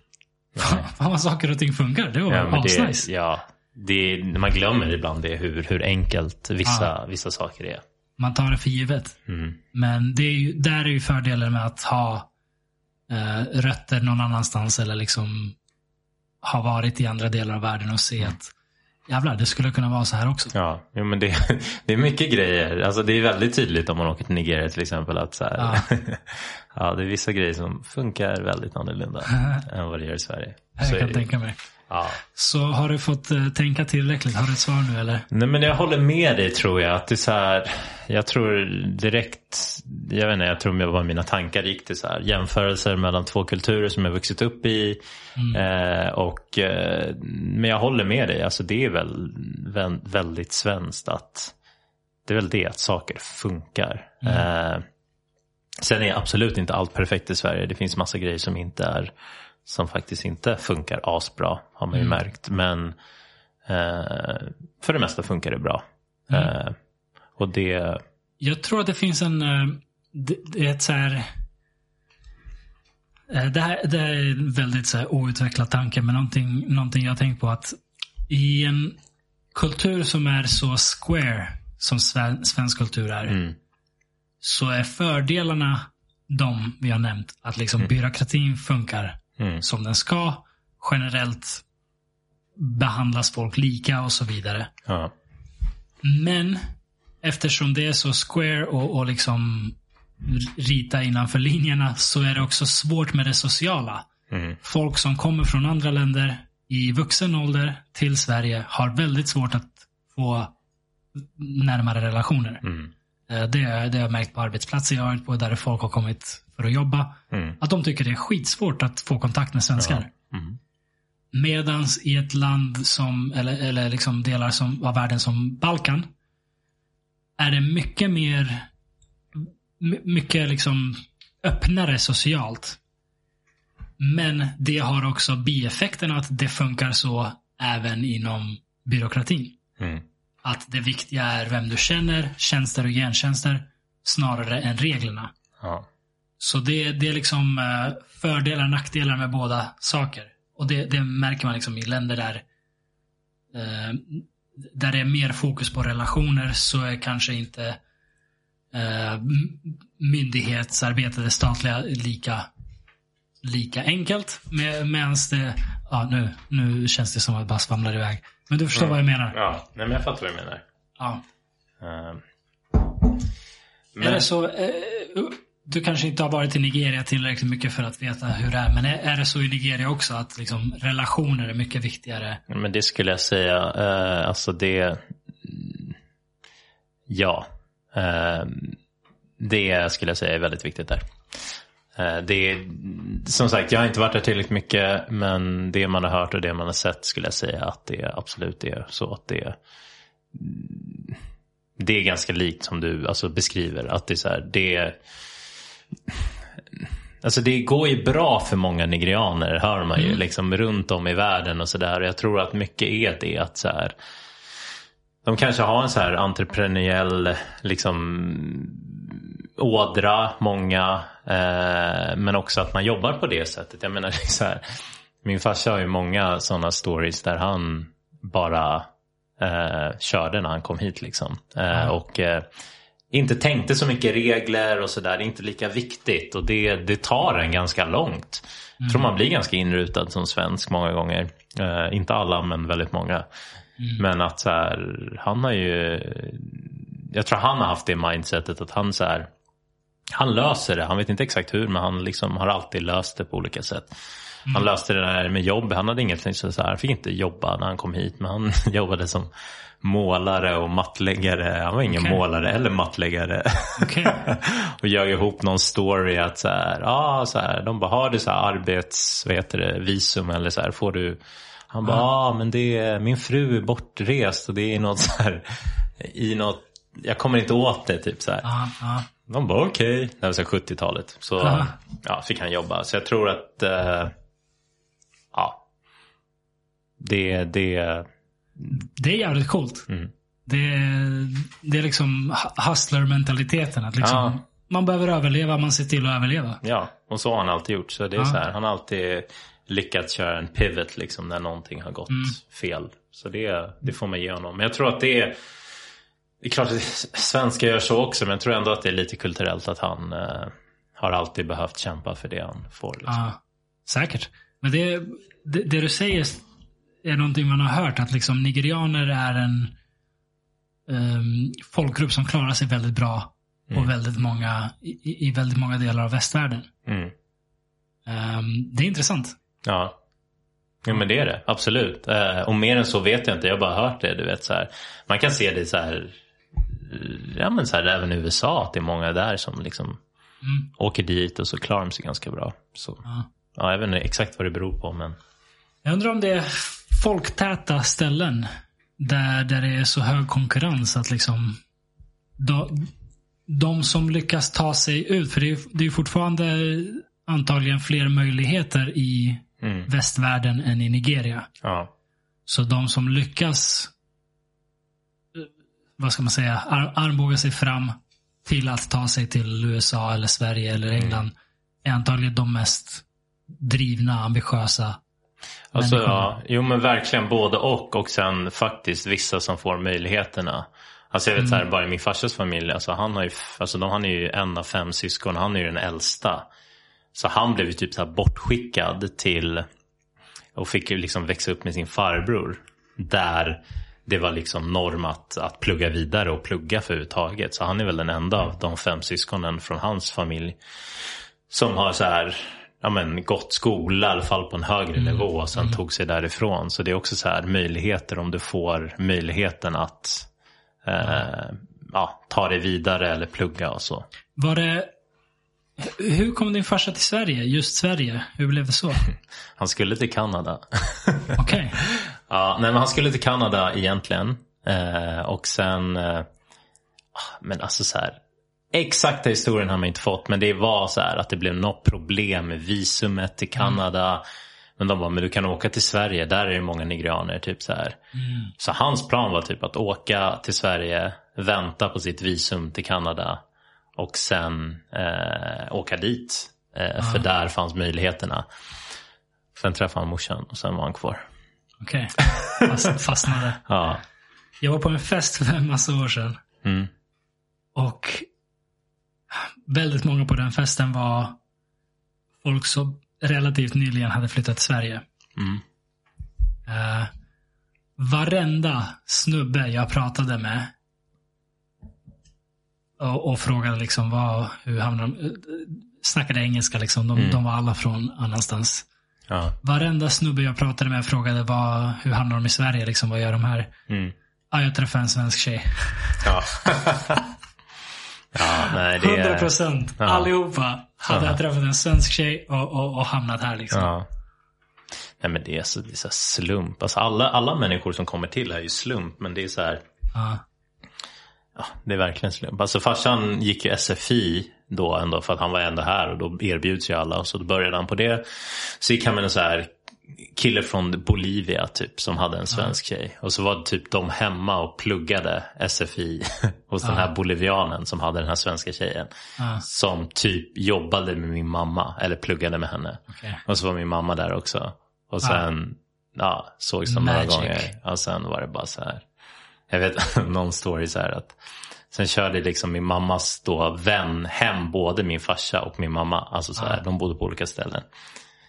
Farsan försökte vara smooth hörde jag att han så här, han bara, men du kan släppa, du kan släppa henne först typ så här. Och morsan bara, nej han ska inte veta var jag bor.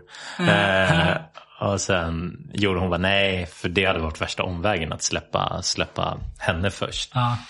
Eh, ja, jag vet inte. Sen, de hade ju, det var ju det paret och de var ju vänner till ja, varsin i paret. Så, sen sågs de väl lite fler gånger och sen har morsan bara sagt, sen började vi träffas och sen tog han med mig på alla de här eh, nigerianska gatherings och sen Ja. var det bara klart liksom.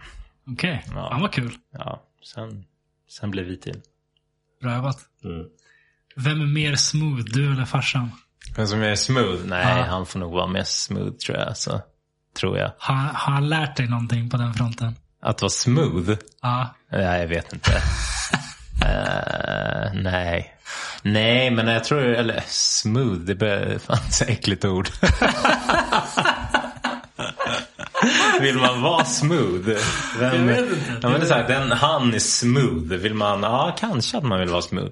Nej men han är mer bara så han är en showman. Det är han. Han gillar En att vara i centrum. Men vi är lite olika. Ah, så han okej, gillar ju okej. att vara han gillar ju att vara i centrum på ett helt Ja. annat sätt än vad jag, vad Har jag du gillar. aldrig gillat att vara i centrum? Alltså, kanske när jag var liten så. Att jag kanske, alltså inte vad jag kommer ihåg. Men sen hände något så här i, i för då tänkte jag nog inte på det. Men då kanske jag gillade att vara i centrum. Det får du fråga någon annan om. För jag kommer inte ihåg att jag gillade det. Och sen när jag växte upp, alltså så här, vadå, från mitten av tonåren tror jag att jag inte... Nej, jag gillar... Jag, nej. Alltså jag gillar att så här... Jag tror ingen vill vara osynlig, men jag har aldrig varit den där som... Mer att så här... Som jag tror många alltså, kan hamna i centrum på. Eller, alltså, eller vissa människor hamnar i centrum ibland. Liksom. Jag hade aldrig något problem att skaffa vänner eller så här få tillit. Eh, alltså du vet så. Eh, och typ Du, alltså jag vet inte, det här det får ju du svara på. Men så här, alltså jag vet inte, jag, har, jag hade inte så, jag har haft jättesvårt att... Blev du obekväm av den här frågan eller? Nej men lite så här att i form av att man vill inte försäga sig. För jag har aldrig velat vara i centrum men i Ja. vissa sammanhang kanske jag har hamnat i centrum. Ja. Men jag tror aldrig att jag triv, trivs i den rollen. Då är jag mer, Okej. om jag märker att jag någonsin hamnar i centrum har jag liksom försökt ta mig ur centrumet. Du har inte försökt ta dig ur? Men jag har försökt ta mig Du ur. har försökt ur? Om jag hamnat där har jag försökt ta mig ur centrumet. Okej. För jag gillar inte om, om man skulle sitta i en grupp och det skulle bli allt för mycket fokus på mig så skulle jag försöka styra det till någon annan tror jag. Mm. Varför då? Jag vet inte om det handlar om att det, där kanske vi kommer tillbaka till något som är väldigt svenskt igen. Att så här att jag tror i svensk kultur kanske man inte eller det är väl inte helt okej att ta för mycket plats liksom. Mm. Jantelagen. Eh, ja, men lite den. Och jag tror att något i mig har... Men, alltså så här, jag tycker, alltså jag har inget emot folk som tar plats så. Eh, men jag tycker att, jag tror kanske alltid att jag har tänkt att, jag vet inte, jag kanske, om jag är helt ärlig kanske jag har stört mig på folk ibland som jag tycker tar lite för mycket plats och ska Ja. alltid vara i centrum. Vem gillar den personen egentligen? Eh, och då har jag nog aldrig velat vara den personen. Okej. Så jag tror det är mycket det. Intressant. Vill du vara i centrum? Jag, jag var väldigt, väldigt blyg när jag växte upp. Mm. Och sen någon gång där eh, slutet på gymnasiet, början på, på liksom universitetet. Mm. Blev jag extremt eh, centrumorienterad eller vad man ska Ja, säga. alltså aktivt eller? ja, Ja, vad gjorde Det- du då? alltså, Vad sa du? Gymnasiet? Alltså det här är ändå när vi började slutet av, träffas. Slutet det av var, gymnasiet, Det var ju då vi början började träffa på varandra. universitetet. Ja, vi hängde då, absolut. Då blev jag plötsligt väldigt mån om att vara rolig, cool, Mm. liksom i centrum. Mm. Eh, Det är helt enkelt att jag upptäckte tjejer. Okej. Ja. Och då måste man vara i centrum för att få dem kanske, eller? Det, man är ju mer intressant om man är i centrum, om man är intressant. Så, Om man är intressant, ja. ja. Ja. Och jag har ju inte, eller liksom. Jag vet inte. Jag, det visade sig att jag kunde vara rolig, att jag kunde vara intressant, att jag kunde liksom hålla en konversation. ja. Efter att ha gått hela livet som någorlunda introvert, lite blyg, lite awkward och sådär. Mm. Så, så började jag genom, framförallt genom basketen få lite självförtroende. Mm. Och sen upptäcka att det självförtroendet går att förvalta till liksom träffa tjejer. Mm. Ehm, Så då var det plötsligt extremt viktigt för mig i några år. Vad gjorde du då? För att Jag, hamna i centrum? Mm, jag var, det är en bra fråga. Jag var, jag var rolig. Det var väl min grej. Att jag, jag kunde vara rolig. Tror jag.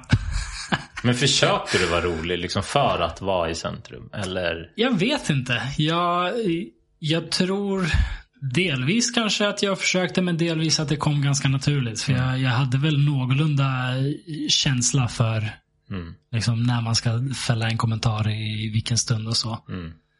Eh, men det var ju just det att jag upptäckte att det här ger positiva utfall i datingvärlden. Okej, ja. Eh, väldigt mycket av mitt liv under den perioden styrdes av liksom, Men var det lite Ja, det- så att de dudesen som var i, det kanske, så var det fan. Ja, jag kommer ihåg att jag tänkte det där också typ på gymnasiet så här. vad tänkte du? Nej men du vet så här. satt där och var, hatade på dem som var i centrum. Nej men så här. Att, men jag vet nu, men jag vet att jag tänkte det så. För oftast, men jag tror att det, ja, jag vet inte. Jag tyckte alltid att de där killarna, jag säger inte att du var det. För du, du var inte den personen för mig. Men du vet så här, gymnasiet man hade de här killarna som som alltid skulle vara i centrum och tyckte att de var så jävla nice. Och de hatade, hatade jag på. Eller så här, vi var, jag var typ vän med dem men det var så här, inte, det var inte mina bästa vänner. Jag hörs Nej. inte med dem idag. Eh, så ja, jag, jag vet inte. Jag, de som jag tyckte verkligen försökte, de tyckte jag inte alltid var så softa. Nej. Nej, men det, Men det, är så här, du kan ju vara i centrum utan att försöka. Alltså det blir så här, ja. Jag, jag tror absolut att om jag idag Mm, hade hängt med mig då. när jag var 20-21. Ja. Hade du hatat Hade, det? ja, ja, absolut. Är det sant? Du hade inte gillat det själv? Jag, Jag hängde ju jag med dig det. då. Ja, men du var också 2021. Ah, fan intressant. Du, Vadå, det tror du inte... idag hade tyckt att jag var skitstörig. Tror du? Ja, det tror jag. Jag vet, jag vet inte om jag hade gjort det alltså. Jag, jag tror det. Tror du? Jag tror det. För det, Mm. det var... Men jag kommer inte ihåg att du var så, så jävla attention seeking ändå alltså. Eller vad man ska säga. Är det fel ord kanske? N- Nej, det, det stämmer nog. Fast jag var- vet att du gillade att snacka. Det kommer jag ihåg. Ja. Alltså så. Jag gillade inte... att snacka. Jag gillade att positionera mig själv som den sköna, roliga grabben. Liksom. Mm. Men, eh, men det var framförallt just det där att jag märkte att det funkade. Ja. Jag, jag hade varit introvert så länge Mm. Och sen upptäckte att fan det här sättet, Ja. det andra sättet, det sociala sättet var effektivare I, ja, i, I ditt mål. i mitt mål. Eh, och eh, ja, Ja, då, nej, men- då är det bara så det blev. Men jag tror faktiskt att det, det, du har en, alltså, jag- en poäng där. För jag tror, i Ja. mitt fall, ja. jag var... Och tillbaks till det som jag sa innan, typ så här kring att man har olika uppfattningar om... Jag, jag snackade, jag träffade ju några så här grundskolekamrater för inte, ja men några år sedan. Och så snackade vi, de bara Men Steven du var så jävla populär, det är klart att du tyckte sådär. Jag bara, jag bara va? Vi var bästa vänner, vad fan snackar du om? Du blev bjuden på alla fester. Jag bara, jag bara, Asså? jag bara nej, vi var på samma fester. Så vi är så här, olika Ja. olika upplevelser av... För, för vi... Alltså, ah, det låter så dumt att säga. Jag tyckte inte att vi hade hierarkier på det sättet. Och faktiskt, helt ärligt. Kasta in min klass från grundskolan här. Vissa skulle säga att det fanns vissa hierarkier men inte som det kan vara i vissa skolor där det är så här tydligt. De här är populära, de här är ja, impopulära. Alltså så. Men jag tror att i mitt fall var och typ den grunden som byggdes upp i den klassen. Och så här, även i basketen att det blev en så här. Jag fick något. Men Jag hade flyt där. Jag hade tur. Att så här, det blev inte. Jag behövde aldrig. Jag har ju alltid haft så här mycket in- integritet. Alltså så. Så det är så här. Jag har ju aldrig låtit någon. Alltså så här. Alltså om någon säger något till mig då kommer jag. Så här, då var jag alltid. Liksom så här, jag lät ju aldrig någon. Alltså Trycka här, ner trycka ner mig. Alltså bara så. Jag vet Ja. inte, det kommer väl, det där har väl den nigerianska sidan. Jag kan aldrig se att min, alltså min farsa, alltså aldrig, alltså ingen, alltså det här är en liten man. Ja. Det är ju bara, alltså du förstår ju, har du, har ju inte träffat mig. Alltså det är så här, folk bara, hur är det här din en två Ja, men han är liten. Alltså Ja. du vet så här, om du kollar på mig och min bror, vi är ändå inte så små. Men han är, min farsa är så här ändå 70 och bara så här, men alltså den där, alltså det finns ju ingen som kan sätta sig på min farsa. Alltså så. Så det kanske kommer därifrån, jag vet inte. Men det har ju bara alltid funnits i mig att så här, ja, vad fan, jag kommer inte ta någon skit från någon. Ja. Eh, så det har jag väl haft den grunden och sen har det bara så här haft okej tur med vänner, aldrig liksom inte varit speciellt blyg eh, när jag växte upp.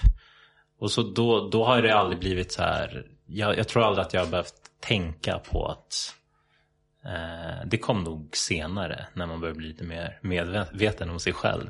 Men jag har aldrig behövt tänka på det sätt som du, kanske om du har varit väldigt introvert och blyg, att sen så här, okej, okay, det funkar inte för mig, jag måste göra någonting annat. För mm. mig har det varit så här alltid, växte upp, hade haft väldigt mycket tjejkompisar, så mm. eh, absolut blivit friendzonad ibland. men det var aldrig så här, och, samma här, ja, men, ja, men det var ändå inte så här att jag Ja, alltså jag reflekterar inte så mycket över det där. Jag behövde ja. inte göra det. För att jag hade det ganska enkelt socialt när jag växte upp. Så. Uh, så jag fattar. Så på ett så sätt har jag aldrig liksom behövt dra en sån transition. Det har bara... Uh... Jag, jag vet inte hur mycket av det som var en transition eller liksom någonting medvetet och hur mycket av det som bara var det här jag nämnde förut, att jag steg, ur, steg ut ur min brors skugga. Mm, när jag liksom började spela min basket och, och mm. upptäcka egen musik och bli min egen människa. Ja. Kanske var det bara att jag fick självförtroende och började liksom vara. vara. mer social och, och, och, pratglad och så för att jag Det är inte ovanligt i den åldern att man liksom... Nej. Nej. Gud nej. Men, men det jag menar är att det blev väldigt viktigt för mig. Jag blev mm. plötsligt väldigt sällskapssjuk. Ja. Jag tyckte det var jobbigt att vara ensam. Jag tyckte det var jobbigt att inte hitta på något med vännerna på helgen. Mm. Sådana där saker. Ja. Så plötsligt blev jag väldigt vad jag skulle kalla extrovert. Mm. När jag av naturen antagligen är mer introvert. Mm. För några år senare gick det där över. Um, Men det blev aldrig en clash med dig själv? Att du var så här, okej okay, jag känner hur jag uh, är uh, är eh, så här, jag är inte mig själv nu, typ så. För jag är egentligen introvert. Jag gör inte, det här är inte jag. Jag vet inte om det var en clash. Men jag behövde ju finna mig själv. Mm. Is, ja, det är en bra fråga det där. Fast det här är ja, intressant. Jag, jag tänker faktiskt på en grej nu. Som, okay. Men du ska få säga det du tänkte säga. Det, det jag tänker på är ganska, ganska lång grej, så du kan, du kan säga det okay. du vill säga först. Nej, men du kanske tar ett helt annat spår här, men vi testar. Ja. För det, det jag tänker, jag tror du nog kan fortsätta på ditt. Att du, att du fick kanske en form av, inte rätt ord säkert, men identitetskris i form av så här, att du så här, okej, okay, det här, nu ska det ske en switch här. Eller du, det, det hände något med dig som mm. fick dig tänka. Eh, och det kom, hur gammal var du sa du när det här, när du började liksom? När jag började vara mer extrovert. Ja, exakt. 1920. Precis.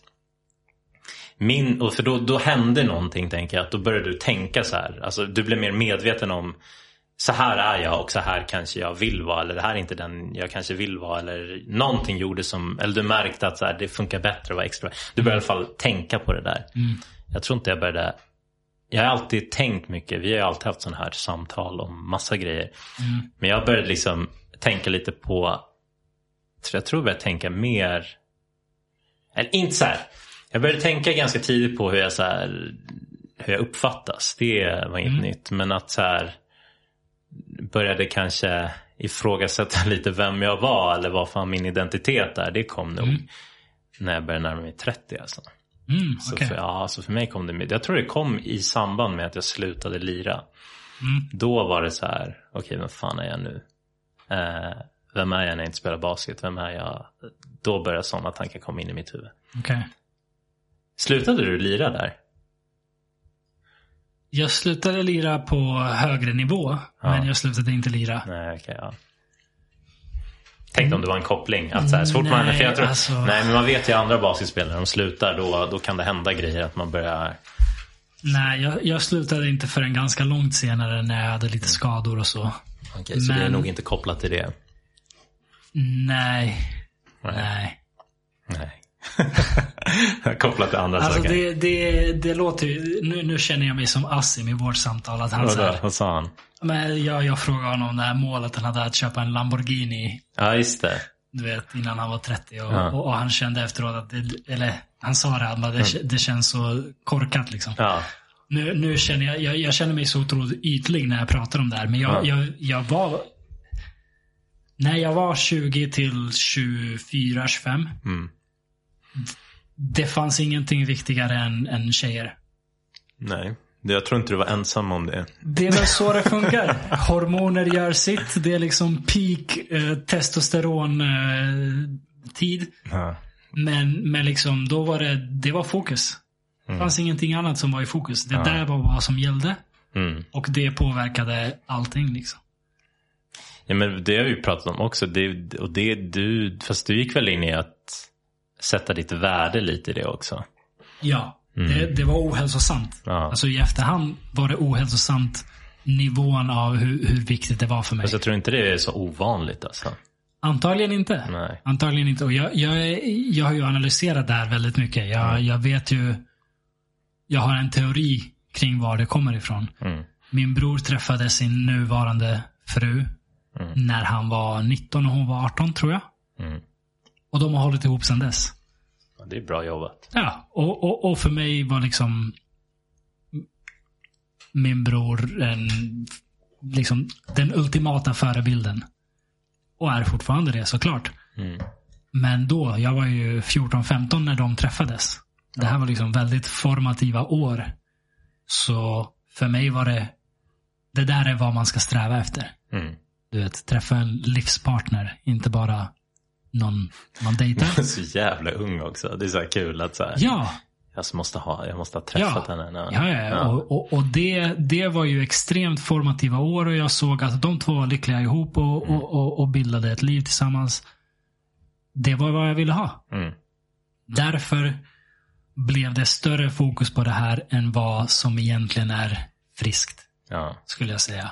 Men det var aldrig så att du så här kunde titta utåt och bara så här. Det min bror har är ganska unikt. Nej, Nej. för det är ju det här att det man växer upp med är det normala. Mm. Och det här är ju liksom verkligen på gott och ont. För det, det, är ju, det är ju fantastiskt. Dels att mina föräldrar fortfarande är ihop. Mm. Och, och har varit det. Och det har varit liksom, vad jag vet, stabilt mellan dem. Mm. Sen jag föddes.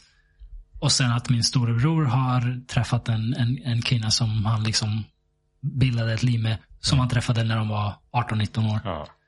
Det är ju jättevackert. Det är ju träffades fantastiskt. de då?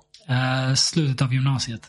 Alltså på gymnasiet? Typ. Ja, de gick samma gymnasium. Okej, ja. Så det här är ju någonting bra. Det här är Mm. någonting positivt i allra högsta grad. Mm. Men som ung grabb så liksom ser man det här och tänker det här är det normala. Det här är vad man ska sträva efter. Det här är vad jag vill ha. Mm. Och det var... Det, det, så hur positivt det än är så var det en sak som ställde till med problem för mig. Mm. För att det blev så otroligt viktigt. Det blev så jävla viktigt att träffa en person jag vill dela mitt liv med. Att jag... Det blev viktigare än allt annat. Det fanns inget viktigare. Nej. Det, det, var, det var det enda som var viktigt på riktigt. Mm. Allt annat är sidospår. Ja. Sidequests. Och det är det, Då är det ju ohälsosamt. Alltså, I- hur, i- i alltså jag försöker förstå, hur mycket tänkte du på det här? Alltså så här, på en dag? Det, Var det, liksom, var det hela dagen? Eller? tog upp- jag nämnde det lite kort i samtalet med Assim. Att Mm. om jag inte hade något på gång. Om jag Mm. inte hade någon jag dejtade eller smsade med eller liksom på något sätt hade något som liksom Mm. det fanns intresse för. Eller någon som hade intresse för mig. Du, du förstår vad jag menar. Ja. Om inte det fanns någonting alls, då hatade jag mig själv. Ja. Rakt av. Jag tyckte, inte, jag, jag, jag tyckte att jag var värdelös, att jag inte förtjänade någon, att jag var dålig. Mm. Det är inte bra. Det är inte hälsosamt. Nej, det är inte bra. Men det är inte så konstigt. Alla har sin shit alltså. Så är det. Det är inte så Så är konstigt. det. Och man, man Mm. formas av den miljö man, man lever i. Mm. Och, och, och det... Ja, nu vet jag inte ens hur vi kom in på det här, för det var någonting jag skulle säga om det. Men, men det, det liksom blev så, så viktigt för mig. Så att Mm. det är det som styrde mig in till det extroverta. Och du, du frågade mig om jag hade en identitetskris. Ja, det var väl det jag tänkte att det hände något där. Det var ett par in på ett par år in på det här liksom extremt extroverta beteendet och, och, och, och liksom sökandet efter någon. Mm. Så började jag må dåligt. Och jag har inte tänkt på det i den, den liksom, formuleringen förut, men det kanske var en identitetskris. Mm. Det kanske är så att jag är mer introvert, att jag är mer eh, att, jag, att jag egentligen uppskattar att vara för mig själv, att, att sitta och läsa och, och sådana där saker. Mm. Snarare än att vara ute bland folk hela tiden. Men vad tror du idag då? Alltså jag tänker att, Idag är jag tillbaka till introvert. ja du är det? Ja, gud ja.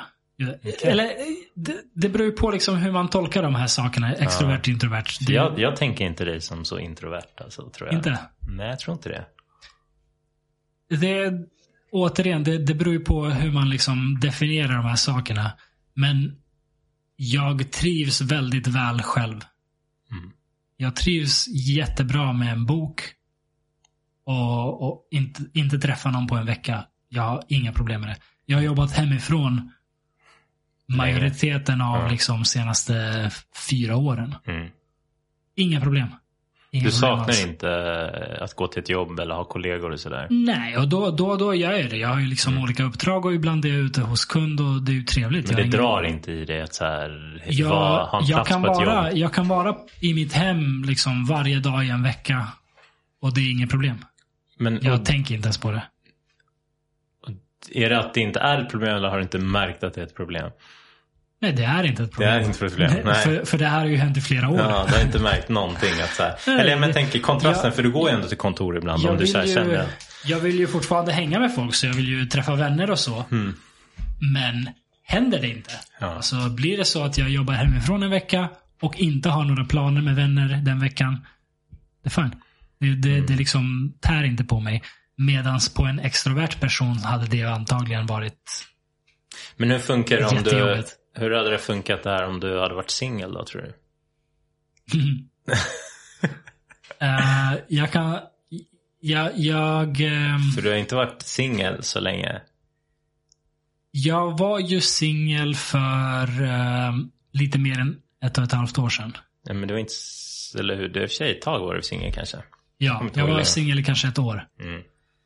Eh, helt annan sak än när jag var singel för, säg fem år sedan. Ja, okej. ja. Helt annan sak. Mm. För nu var jag bekväm. Mm. Mm, Liksom, jag ville ju fortfarande hitta en partner. Det, det, har, det har fortsatt vara viktigt för mig. Mm. Men jag mådde inte dåligt över att vara singel och jag hatade inte mig själv.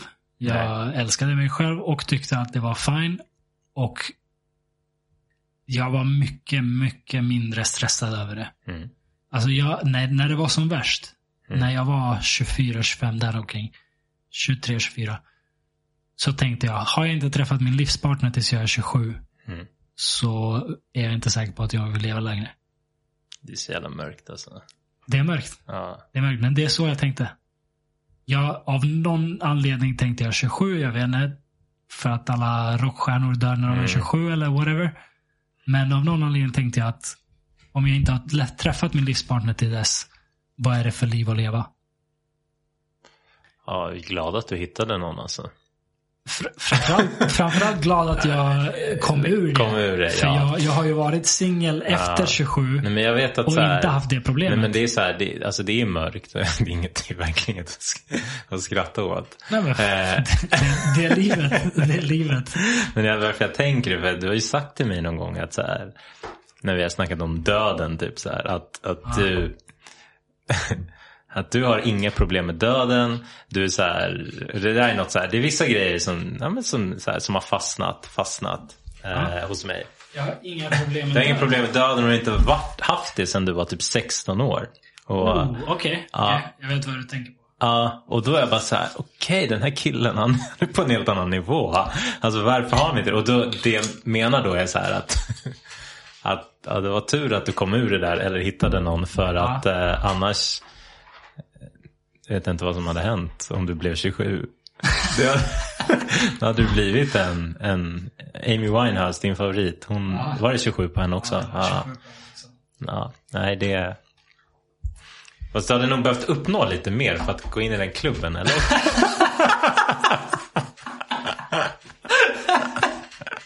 Du hade inte liksom kunnat ta ditt liv och bara så här Ja, jag är Ja, 27. ingen, ingen hade brytt sig Nej. om jag tar mitt liv Det hade inte 27. stått i tidningen, tror jag. Jo, familj, kanske hade stått i familj och tidningen. vänner hade brytt sig. Jag hade men brytt jag hade inte varit i 27 Club med, med Amy Nej, men det, Winehouse. men det är så här. Alltså det hade varit så sjukt om du, om du tänkte det och så bara, ja, Ja. fan. Jag ska in i Nej. klubben. Ja, du är här, jag är glad. När jag var, när jag var typ 24, 25, däromkring. Mm. Så tog jag tag i det här. Ja, det var bra. Och så, jag, jag var fortfarande sällskapssjuk vid, det, vid den tidpunkten. Mm. Och det hade eh, ett förhållande jag var i hade tagit slut. Och jag bestämde mig för att okej, nu måste jag fan ta tag i det här. För jag hamnade i förhållanden jag kanske inte borde hamnat i. Mm. För att jag ville ha ett förhållande. Mm. Jo, men jag det, det jag gick liksom från förhållande för, till förhållande för att jag verkligen, verkligen, verkligen ville ha det. Och Mm. verkligen ville träffa min livspartner. Och då kanske man hamnar med folk som man egentligen inte borde vara med. Att man liksom för snabbt går in i ett förhållande. Sådana där saker. Så jag tog mig, eller ett förhållande tog slut. Och då bestämde jag mig för att nu måste jag, nu måste jag bena ut det här. Mm. Så jag bestämde mig aktivt för att inte söka nya relationer. Mm. Inte söka nya relationer. Ett tag. Mm. Och bara ge mig själv tiden att vara med mig själv och lära mig att vara med mig själv. Mm. Det här var ja, men typ 24-25.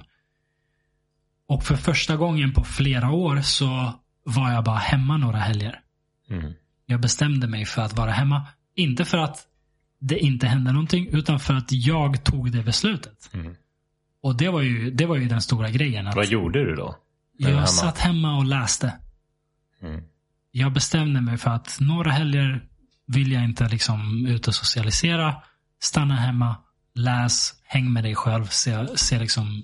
Och det var jobbigt. Det här var inte lätt. Liksom. Jag, jag hade sett till att vara social varje helg i tre, fyra år. Mm. Nonstop. För att jag vill hitta min livspartner. Det var liksom en obsession.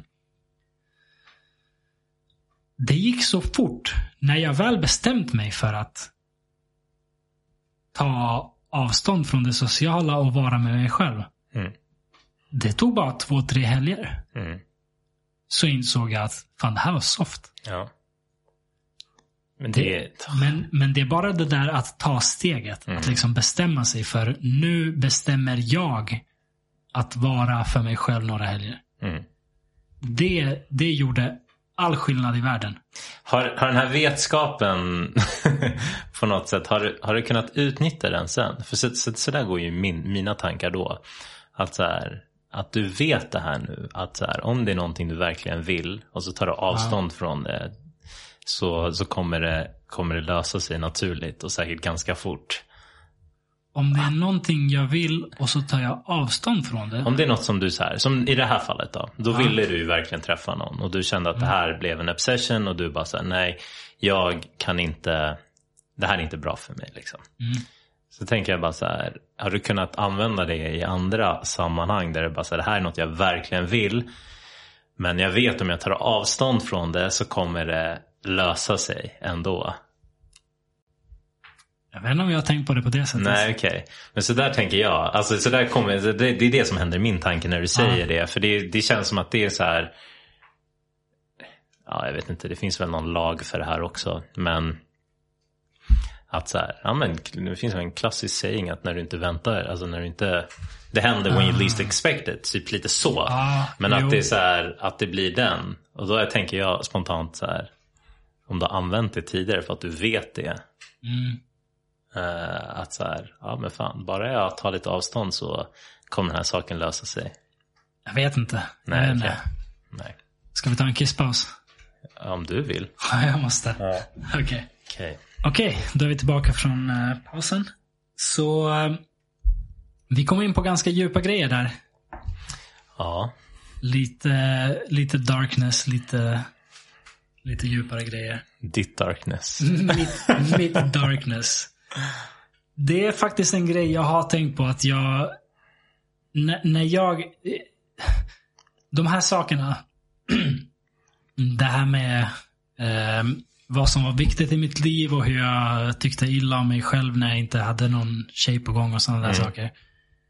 Ehm, det var en stor del av mitt liv. Liksom ett par år, från 23 till 25 ungefär. Mm. Så skulle jag nu i efterhand säga att jag var deprimerad. Mm. Ehm, då såg jag det inte på det sättet såklart. Nej. Men i efterhand så skulle jag säga att jag var deprimerad de åren. Och jag hade länge en tanke att så länge jag inte säger det till någon, så länge jag inte pratar om det högt så är det inte på riktigt. Mm. Så länge det bara är i mitt eget huvud så är det inte på riktigt. Mm. Det är det dummaste man kan göra i den situationen. Ja, så är det ju. Men det är inte konstigt att man tänker jag, så. jag visste inte bättre. Nej. Så fort jag pratade med en vän om det Mm. eh, och sa att jag har vissa liksom, mörka tankar, att jag inte mår särskilt bra, så började det bli bättre. Mm. Så fort jag pratade öppet om det så, så blev det bättre. Och när jag väl hade bearbetat det, när jag hade pratat med några vänner. Det var, det var två vänner som var liksom väldigt viktiga för mig i det här, Mm. under den här perioden. Att det var bara två vänner som jag vågade berätta det här för. Mm. Att jag hade vissa mörka tankar och inte liksom tyckte om mig själv och sådana där saker. När jag hade pratat med de två vännerna ett tag och bearbetat det här lite grann. Så blev jag ganska öppen med att prata om det. Mm. Och så fort jag blev öppen med att prata om att jag mådde inte bra under de här åren. Mm. Så kom det plötsligt två, tre, fyra, fem vänner till mig. Och Mm. berättade att de inte mådde bra. Var det vänner som du hade berättat? Nej, det var inte vänner du hade berättat för då. Det var inte vänner jag först hade berättat för. Ja, okej. men, men efter att jag liksom bearbetat det Mm. och liksom kommit ur det. Mm. Så var jag ganska öppen med det. Ja, just det. Och Att- sen kom att de jag till mådde, mådde Ja, inte okej. bra. Då började det komma ganska många vänner till Mm. mig och, och berätta att de inte mådde bra. Och, och, och öppna upp. Mm. Och det i sin tur hjälpte dem. Ja. För det är det viktigaste, att när man mår dåligt, att prata med någon. Mm. Någon man, man litar på, eller en psykolog eller vad fan som helst. Liksom. Någon Ja. man, bara öppna upp. Mm. För de här jobbiga, mörka tankarna, de är så överväldigande när de bara är i ens eget huvud. Mm. Men så fort man släpper ut dem så kan man ha lite distans till dem och se att fan, det är, Ja. det är inte världens grej. Mm. Eller jag är inte ensam om det här. Eller vad det nu än Ja, är. nej, men det, du får ju perspektiv och fattar att så här. Men än en gång att så här, alla har sin darkness och alla har sitt, sitt shit. Så Ja. då är det så här, jag tror inte du, du måste komma dit själv bara. Du fattar ju inte det förrän du kanske, ja men som du säger, öppnar upp eller börjar höra saker från andra. Det är så här, Mm. okej. alla kommer ju inte öppna upp men de flesta har ju grejer och sen som du säger, när det väl kommer ut så, ja jävlar. Det kanske inte var, jaha den har det där eller den har Mm. det där. Och det är så, okej det är inte exakt det jag har men alla vi går igenom saker lite Ja. så. Det var i alla fall väldigt, vad ska man säga, väldigt eh, Befriande, nej. eh, självklart väldigt befriande att prata om det. Men, men det, jag med, det jag vill säga är att när jag såg att genom att öppna upp om mina besvär Mm. hjälpte jag andra. Mm, just det. Bara genom att säga att jag har mått dåligt. Jag, jag har varit deprimerad, jag har gått igenom det, jag har hatat mig själv. Bara genom att säga det högt Mm. hjälpte jag, jag vet inte hur många av mina vänner. De vågade öppna upp till mig. Och de blev bättre. Jag kunde Mm. liksom se det att på bara några veckor eller månader så blev de bättre. Mm. Bara för att de äntligen fick lätta på det här Ja. som de har burit inom sig som har varit deras liksom, tyngd. Ehm, så det är en sak som är ganska viktig för mig att vara ärlig med sånt i till exempel i här i podden. Mm. Ehm, för jag tror att det är väldigt viktigt att höra den, den typen av berättelse. Ehm, för det här är inga, det här är inga svåra saker. Alltså depression och, och, och, och allt sånt. Det är för jävligt. Det, det, det är det pissigaste man kan gå igenom. I, i många situationer. Men det är inga liksom komplicerade saker. Det, det är relativt lätt att lösa. Om man bara liksom har folk omkring sig som man kan prata med. Mm. Sen är alla situationer unika och det Såklart. kan, det kan vara svårare, det. Svårare exakt. för vissa än för andra. Och precis som du säger, det är olika nivåer. Liksom, min, min depression var ändå ganska lättartad. Det var inget liksom hemskt som hände mig. Nej. Jag hade bara negativa tankar. Mm. Eh, men botemedlet är detsamma. Alltså har du, mår du dåligt psykiskt så är lösningen prata med folk du kan lita på. Och börja bearbeta det. Mm. Eh, så jag, det, det är en grej jag har tänkt på mycket med, med i mitt skrivande och med podden. Att jag vill vara ärlig kring de här sakerna för att jag tror att det kan hjälpa folk. Mm. Bara genom att vara ärlig med mina vänner så hjälpte det ganska många ändå. Alltså jag menar fyra, fem pers som mådde skit som plötsligt började må bra. Mm. Bara tack vare att de vågade öppna upp för mig för att de, de visste att jag hade gått igenom något liknande. Det, det, det är mycket. Men tänkte du på det innan du startade den här podden? Att det här är en del som jag vill få med? Eller har du för, förstått det nu när du har kört några avsnitt? Delvis ja.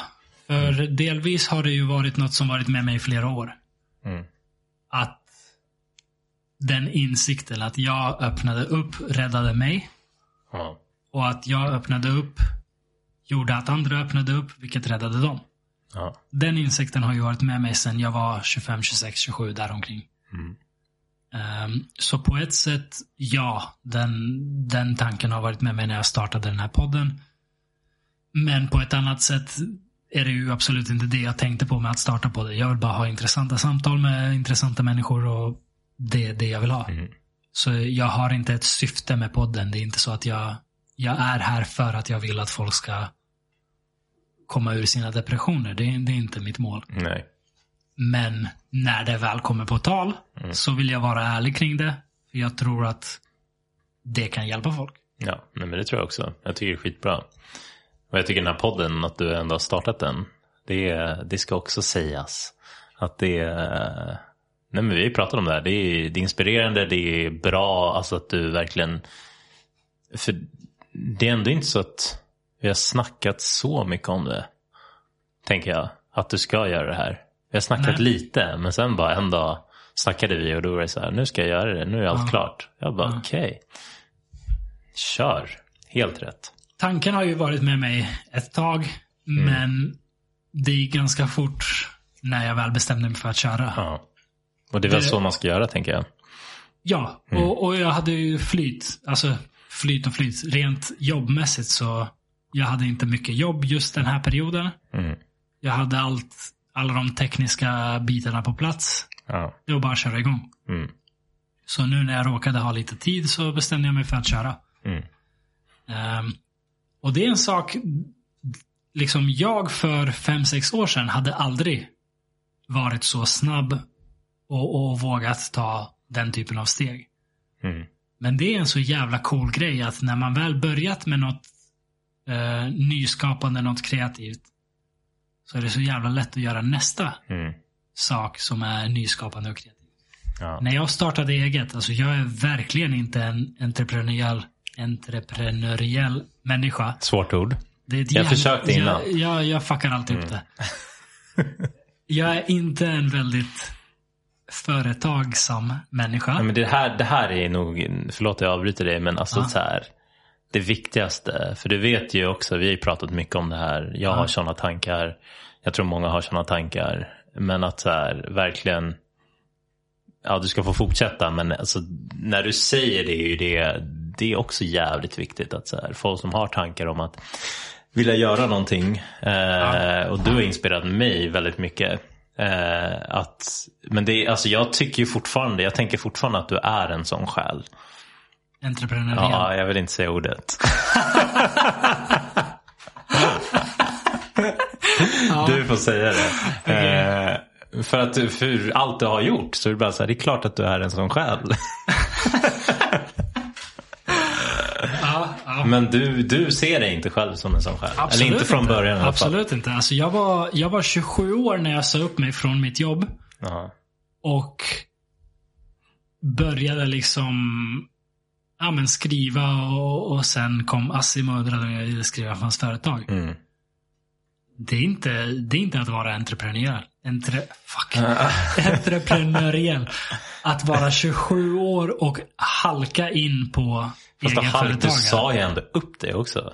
Jo, men det gjorde jag bara för att jag inte trivdes där jag var. Ja. Men du Det hade väl tänkt, började inte du skriva på din bok då? Eller du Nej, bara, det var nej. inte då? jag sa upp mig. Och sen tog jag en paus för att jag hade lite besparingar. Jag hade råd att ta det lugnt ett Och tag. du hade inga tankar på att du skulle så starta något eget? Nej. Det var bara, jag Nej. får ett nytt jobb när jag behöver ett. Jag, eh, jag tog en paus och jag höll på med sånt som jag älskar att hålla på med. Mm. För att jag hade, jag hade råd att ta det lugnt ett stund, en, en stund.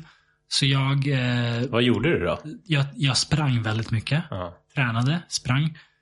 Ehm, läste väldigt mycket. Mm. Ehm, skrev.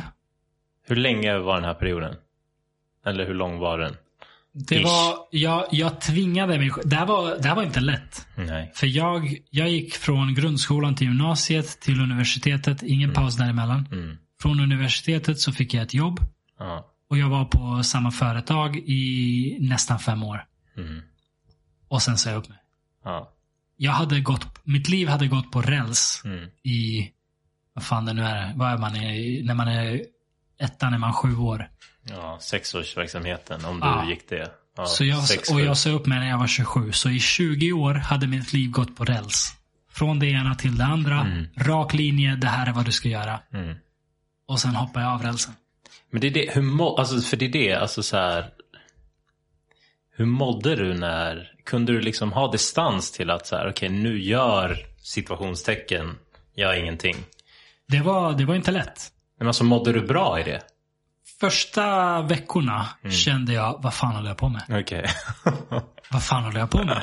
Det här är, det här, jag gör ingenting. blev, du, du blev, inte, blev du deppig eller blev du liksom? Nej, för då hade jag gått igenom den depression jag pratade om Okej, förut. Så jag, jag, jag hade redan liksom insett att jag duger. Ja.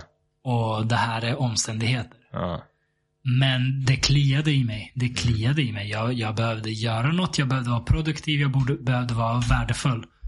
Men jag tvingade mig själv att ta det lugnt. Men okej, men Ge hela dig, här, ge dig själv tid. Jag Och hur- tvingade mig själv. hur, hur rättfärdigade du eller liksom i ditt huvud att du har gått den här vägen och sen typ nu kanske du slänger den. Alltså förstår du? Alltså du fick ju det där jobbet på Mondelez eller vad var det?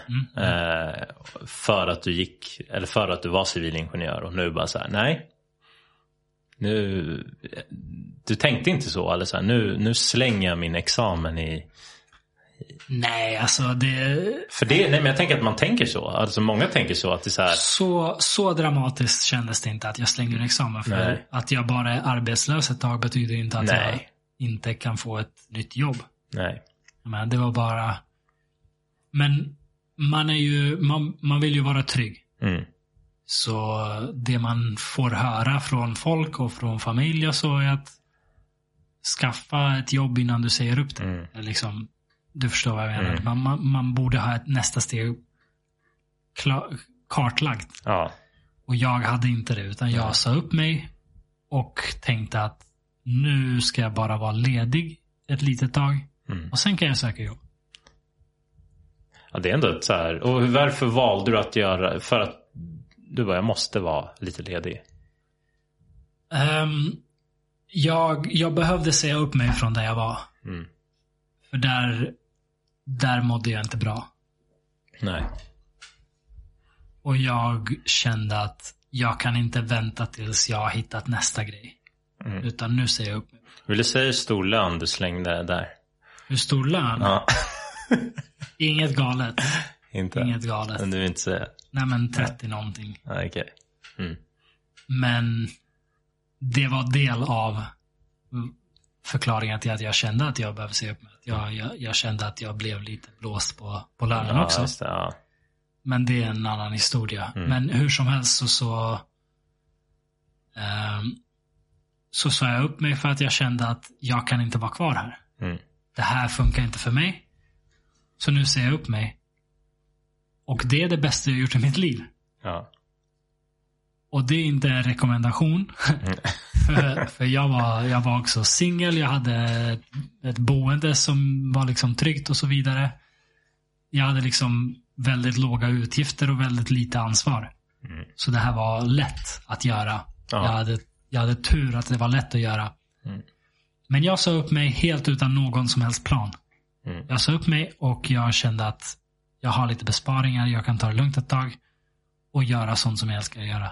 Träna, skriva, läsa, hänga med vänner. Mm. Sånt där. Ja. Och att jag gav mig själv tiden gjorde att jag hittade det jag älskar att göra. Mm. Ehm, jag började skriva bara för att jag älskar att skriva. Mm. Och jag, det berättade jag under samtalet med Assim, att jag startade den här skriva ett inlägg varje dag i hundra dagar. Just det. Jag började skriva på en bok. Mm. Och sen kom Assim och undrade om jag kunde skriva för hans företag och så gjorde jag det. Och jag insåg att fan, det här är något jag gillar att göra. Jag mår bra av att göra det här. Och det ena leder till det andra och jag, jag liksom startade ett företag inom copywriting, inom liksom skrivande för företag för, i marknadsförande syfte. Uh, fan, uh, vad, vad, vad snackar vi om innan jag kom in på det här? Är det rommen? Rommen har gjort sitt. Ja, kanske jag, lite. Jag, jag känner att det börjar bli svårare och svårare att hålla en tråd. Ja, nej, men det, Men- det, jag, tror, jag tror att eh, att du kommer hitta tillbaka snart. En vacker dag. Ja. Ehm, Nej, men jag frågade väl dig eh, om du kände dig, vadå, om du kände dig liksom okej under den här perioden. Så Ja. kan man säga.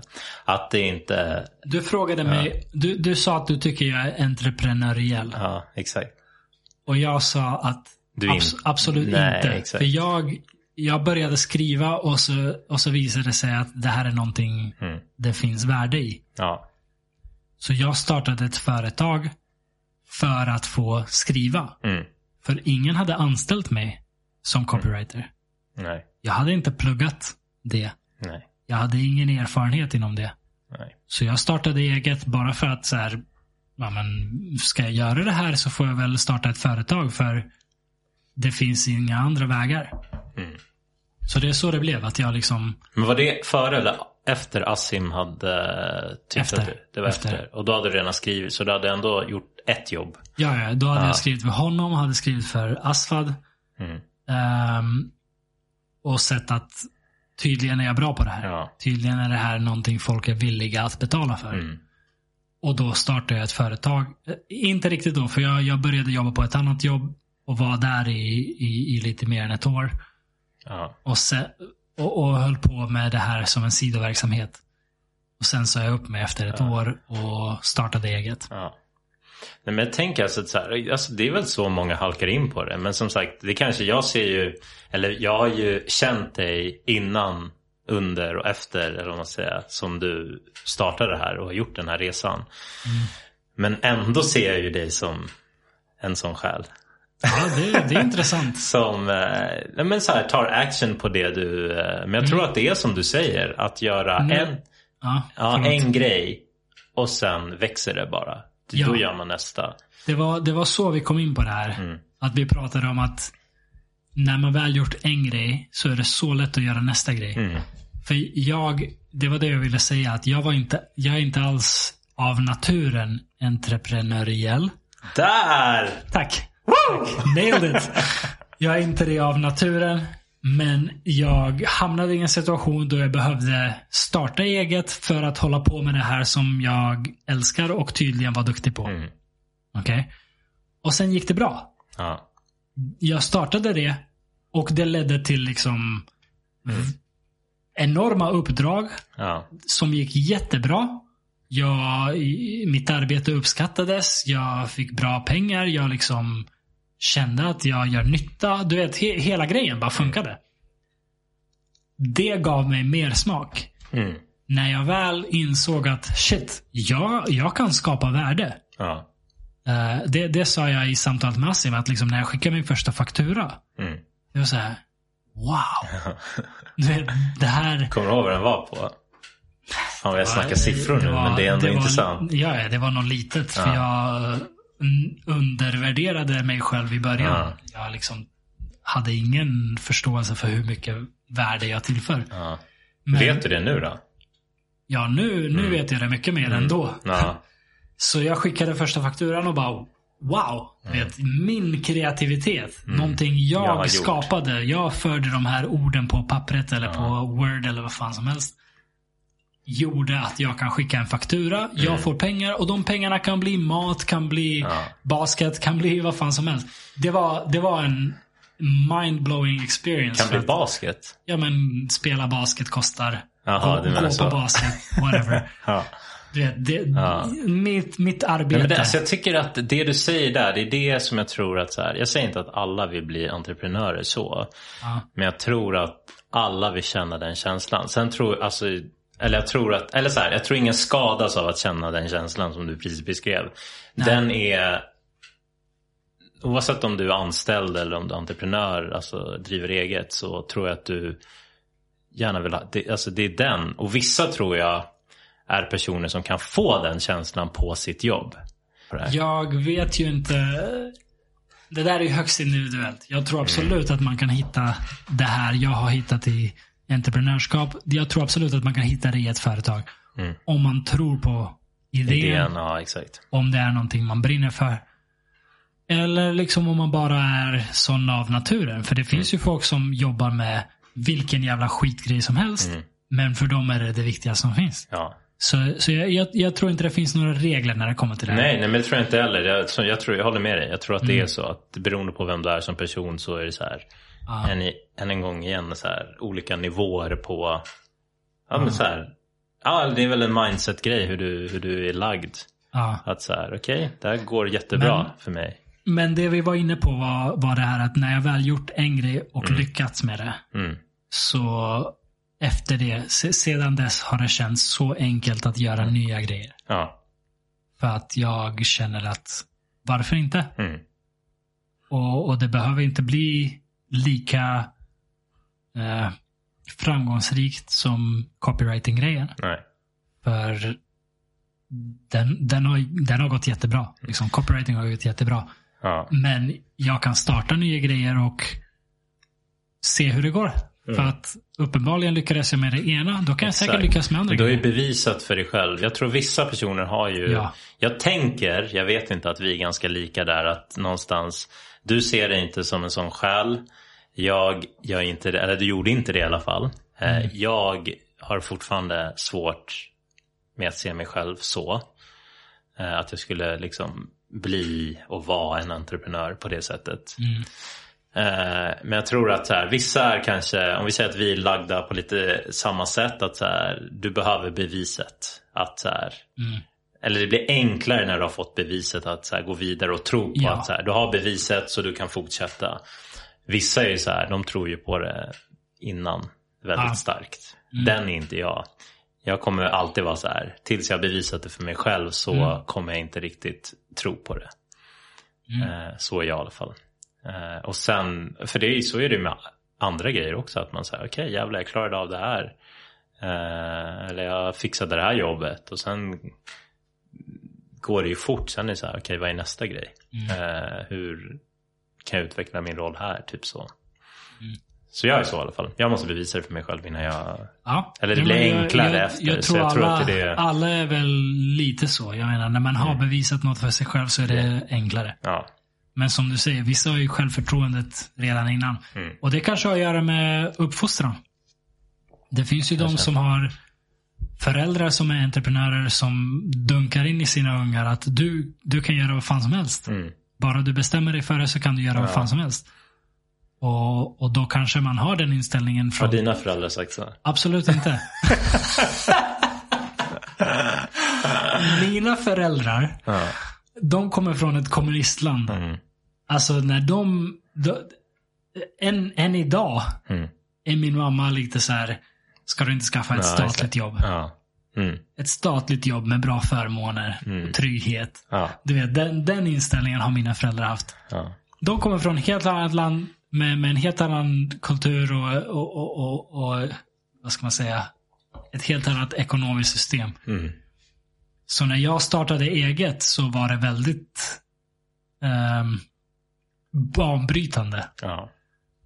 De, eh, de var ifrågasättande. Mm. De är stöttande. De är verkligen liksom, de har alltid, aldrig hållit mig tillbaka eller, eller liksom sagt något om vad jag borde eller inte borde göra. Mm. Men det märktes klart och tydligt att de var inte helt hundra på det här med starta eget inom copywriting. Nej.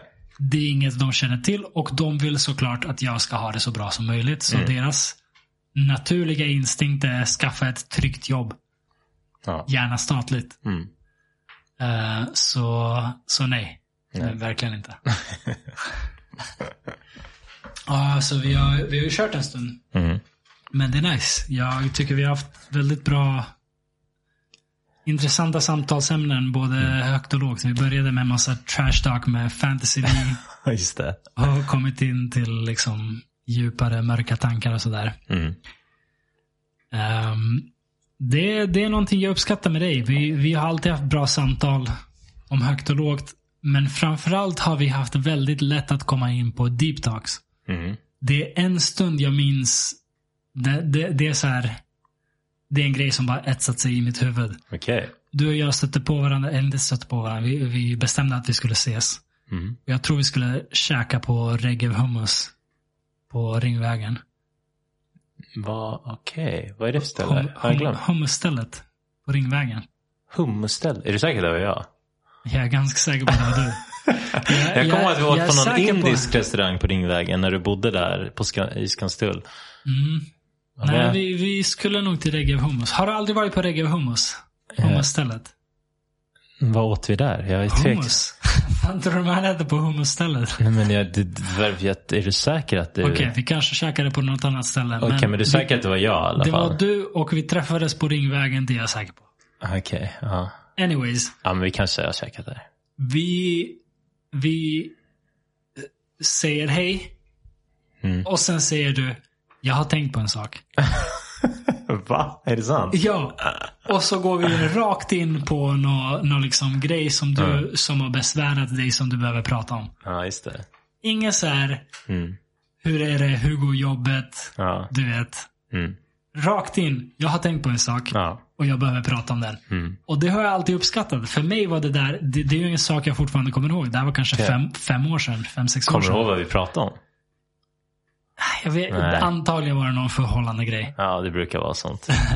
Men du bara liksom direkt, jag, jag har tänkt på en sak och så börjar vi prata om det. Mm.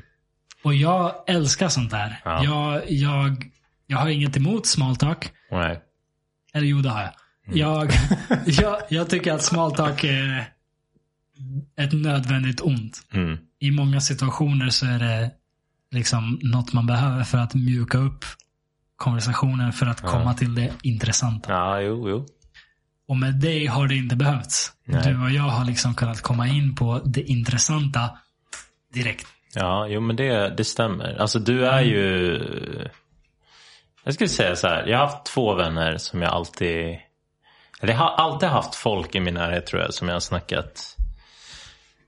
Ja, alltså kommit in på djupare saker med. Men jag har... Just nu är du faktiskt den som... Eh, vill jag komma in på någonting djupare så är det dig jag kommer ringa. Och jag tror att det är så där i livet, eller jag har väl fått lära mig att så här, du kan inte, eller så här, jag tror att, eller jag har fler vänner absolut. Jag har en specifik vän, men vi hänger inte så mycket längre. Han, det har inte blivit så mycket på sistone. Eh, lite tråkigt, men det är så det är. Eh, det är olika liksom, ja, men saker i livet som händer som gör att man kanske inte hänger så mycket. Vi har ändå hängt kontinuerligt i många år. Men jag menar att vissa vänner kan man prata med vissa saker om. Vissa vänner pratar man med andra saker om. Och det är bara så det är. Och vi har ju alltid kunnat prata om allt tror jag. Mm. Känns det som. Så det är, så nu, jag kommer inte ihåg att vi var på det där hummusstället men det, det låter som någonting som skulle kunna ha hänt. Så, nej, men, så jag tycker det är asnice. Så det är... det Jag, känns bra. jag har ju lyssnat på, eller kollat på pods, lyssnat på pods. Mycket va? Där får, aj, jag, Mm. Ja. jag har alldeles för många poddar på min lista. Du har det alltså? Gud ja. Ja. Gud ja. Jag, har, jag har en lista som bara växer. Mm. Jag hinner inte lyssna på dem tillräckligt snabbt för att det är beta av dem. sant. För jag håller mig till ganska sam, mycket samma pods. Jag hittar inte så mycket nya. Alltså det är ju en så här. I och för sig, om, om man nu rabblar upp alla så är det kanske en 15 poddar jag lyssnar på Det är ändå många. Alltså Ja. jag kanske, mina konstanta kanske är fem. Ja. Alltså som jag alltid, som är så här min topplista som jag bara sa, okej vad har kommit ut nu? Nej, jag, jag älskar podcast. Men vad är Jag- det, jag vad är tycker- det för podcast du lyssnar på då? Ehm, framförallt gillar jag samtalspoddar som den här. Liksom. Mm. Där folk sitter och har tid på sig att utveckla sina tankar och idéer. Men du kan lyssna är på jag. vad som helst. Du så här, söker dig inte aktivt till... Alltså jag tänker, tänk nummer sex av de här 15 och så är du så inne på den. Och så ser du liksom the caption eller så här Mm. vad, vad den handlar om. Kommer du lyssna på den om du inte är aktivt intresserad av det ämnet? Eller hur gör du? Det eller, finns ju... eller det blir du finns selektiv? Ju, det finns vissa poddar som jag lyssnar på varje avsnitt av. Okej, som, vad är det för poddar? Eh, Breaking Points. Mm. Som är typ nyhetspolitisk podd. Ja. Eh, The Jimmy Dore Show. Mm. Eh, senaste tiden American Thought Leaders. Okej. Det, jag, jag tycker om geopolitik. Jag tycker om liksom stora strategiska politiska Mm. diskussioner. Ja. Sånt intresserar mig allra mest Mm. av allt. Eh, och bara samtal med intressanta människor. ja. Det, det behöver inte vara... Något specifikt ämne så. Nej, Nej. precis. Men, men det finns vissa poddar där jag lyssnar på varje avsnitt. Vissa poddar där jag lyssnar på de flesta avsnitt. Mm. Och sen vissa där jag lyssnar då och då när det är något intressant. Okej, ja. Ehm, ja. Men det är för många. Det är för många. Mm. Nu, nu, nu är jag i en situation då listan växer snabbare än vad jag hinner beta av dem. Okej. Ja, nej, jag fattar att det blir ett problem åt det hållet. Men då tänker jag att så, här, så fort alltså, du är ute och går eller behöver göra något. Då har du ju alltid något. Det är bara att välja någon av dem. Du behöver Gud, aldrig. Gud, ja. Jag behöver aktivt leta ibland. Så här, jag bara okej, nu har inte de släppt något nytt. Ah, nu är det inte så här. Nej, det, det är inget problem för Fast mig. det är också så intressant för det. För det här tycker jag faktiskt är lite intressant. Som vi också har pratat om någon gång så här. Eller så här, det är inte riktigt samma sak men jag tycker det är väldigt intressant. För du vet. Tillbaks till så här. Okej om- vi backar lite bandet till. Ja det är inte så kul att backa till det. Men när du. När du var i den där perioden när det var så viktigt med tjejer och sådär. Mm. Då var ju det mycket i dina tankar. Eh, det har jag tänkt mycket på sistone. För mina poddar styrs ju oftast av vad jag tänker på i livet just nu. Att jag typ försöker finna svar i poddarna. Mm. Att så här, okej, tänker jag mycket på business eller så här företagsidéer, då rör jag mig åt sådana poddar. Tänker jag mycket om relationer så rör jag mig åt de poddarna och så här. Förstår du vad jag menar? Ja. Eh, så jobbar jag, men jag har ju fattat att så gör inte alla andra människor. Alla gör inte så. Men det är, det är sånt som händer i mitt huvud. Så jag tycker att det är jävligt intressant vad... Ja, nu switchar jag lite från poddar, men så här. Skulle du kunna säga vad som tar upp dina tankar mest just nu? Det tycker jag är jävligt intressant. Vad som tar upp mina tankar mest just nu. Om du tar en så här klassisk vecka, vad, vad, vad tänker du mest på? Bra fråga. Just nu tycker jag det är så jävla kul med podd. Med podd? Ja. Ja. Att ha startat en egen podd ja. är så jävla kul. Mm. Jag tycker det här är... Det, du, du är till stor del anledningen till att jag startade en podd. För du och jag har haft den här typen av samtal Mm. i många år. Ja. Där man... Du och jag har inte ens tänkt på våra mobiler. Nej. De har varit... Jag vet inte ens var de är. Nej. i, i tre timmar har de bara varit borta. Mm. Det finns ingenting bättre än det för mig.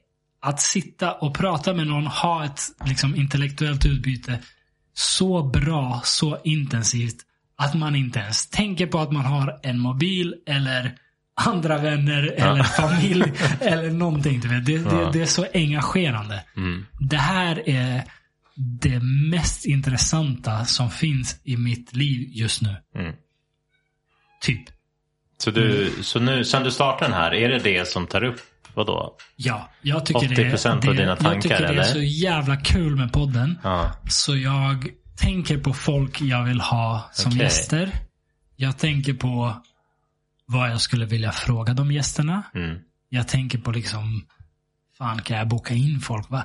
Varför har folk i- egna liv där de håller på med shit? Kan de inte bara vara med i podd istället?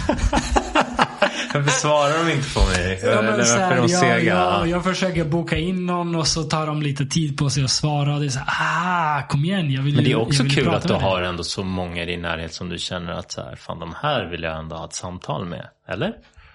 Ja, fantastiskt. Eller är det Fantastiskt. många som så här, alltså att det är en person emellan den kontakten? Eller alla? Hittills Ja. har det ju varit första, förstahandskontakter. Mm. En del folk som jag liksom haft den här typen av konversation med, som, som du. Mm. Men en del folk som jag inte alls haft den typen av konversation med, men som jag vill ha den typen av konversation med. Mm. Folk som jag vet liksom skulle vara intressanta att prata med, men som jag bara har som bekanta. Till exempel. Ja. Ehm, jag tycker det är så jävla kul. Jag tycker det är så jävla kul. Jag vill bara liksom boka in oändligt många gäster och prata vidare. Du har, aldrig, du har inte hittills fått, för jag tänker att så här, när man kommer på nya idéer att så här att du får den här äh, tanken, alltså den här negativa tanken bara så här nej, alltså äh, eller finns det inget, har du inte kommit på någonting så här bara nej men det här vill jag inte göra eller det här blir för jobbigt eller det här, tänk om det inte blir bra.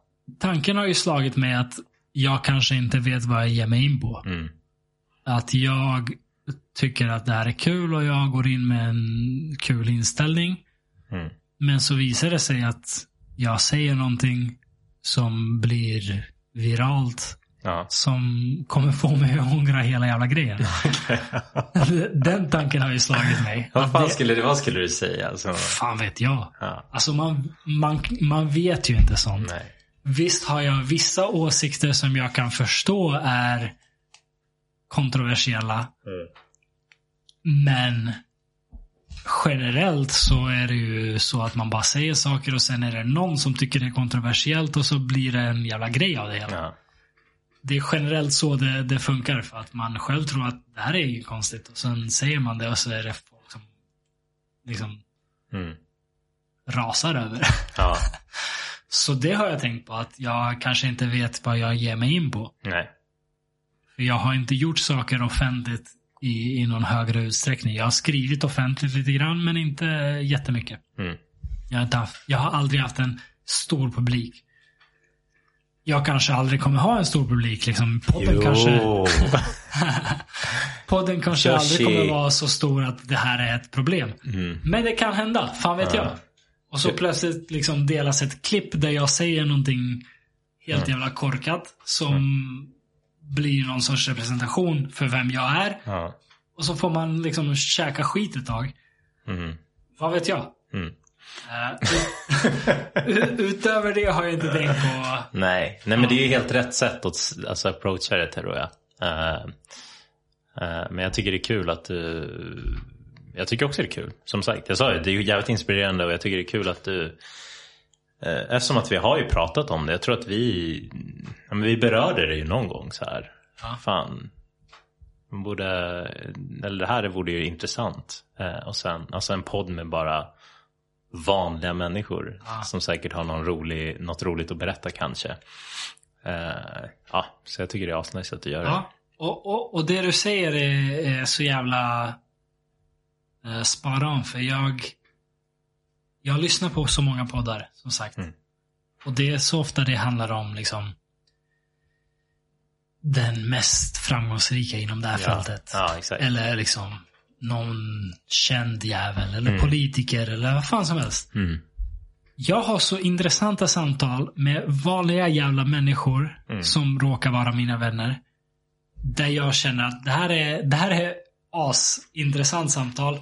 Och jag tror att fler skulle tycka det. Mm. Eh, för varje människa har en unik historia. Sen kan inte varje människa uttrycka den historien på ett bra sätt. Så, så, så är det ju också. Ja. Men väldigt många människor kan och är intressanta bara för att de är den unika människa de är. Mm. Jag tror att det finns ett sånt värde i att prata med den typen av människor som liksom vanliga människor som har intressanta historier att berätta. Min pappa. Ja. Alltså han är ju ingen om man frågar Twitter eller media, Ja. eller vad fan som helst. Han är ju ingen. Ja. Men fan vilken jävla historia han har. Liksom. Ja. Han, har han har varit med om ett inbördeskrig. Dragit sig ur därifrån för att han inte tycker det är någon sida han kan strida för. Tagit med sig två ungar till Sverige och startat ett helt jävla nytt liv. Blivit utnämnd till årets lärare. Mm. Som, som gymnasielärare på Bromma gymnasium. Det, det, det är så här. Det är ett fascinerande jävla liv. Ja. Och sen har du ett samtal med Steven.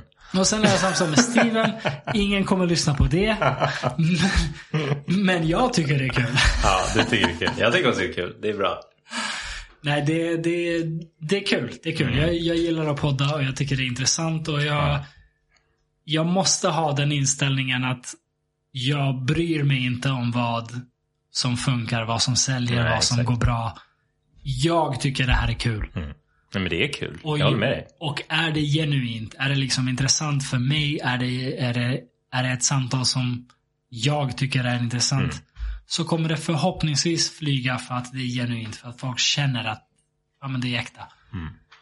Sen går det bra, toppen. Går det inte bra, jag bryr mig inte. Nej, exakt. Jag, jag gör inte det här för att jag vill bygga en karriär inom det. Mm. Det vore skitkul. Alltså kan, jag, kan jag tjäna mitt levebröd på att podda? Ja. Kul! Askul, jag kommer göra det. Mm. Fett intressant. Kan jag inte det, så kommer jag ändå hålla på med det. Om jag kan liksom hålla på med min copywriting eller vad fan jag nu jobbar med. På eh, vardagarna och sen på helgerna spelar jag in ett poddavsnitt, två poddavsnitt per helg. Mm. Jag kommer vara så nöjd med det.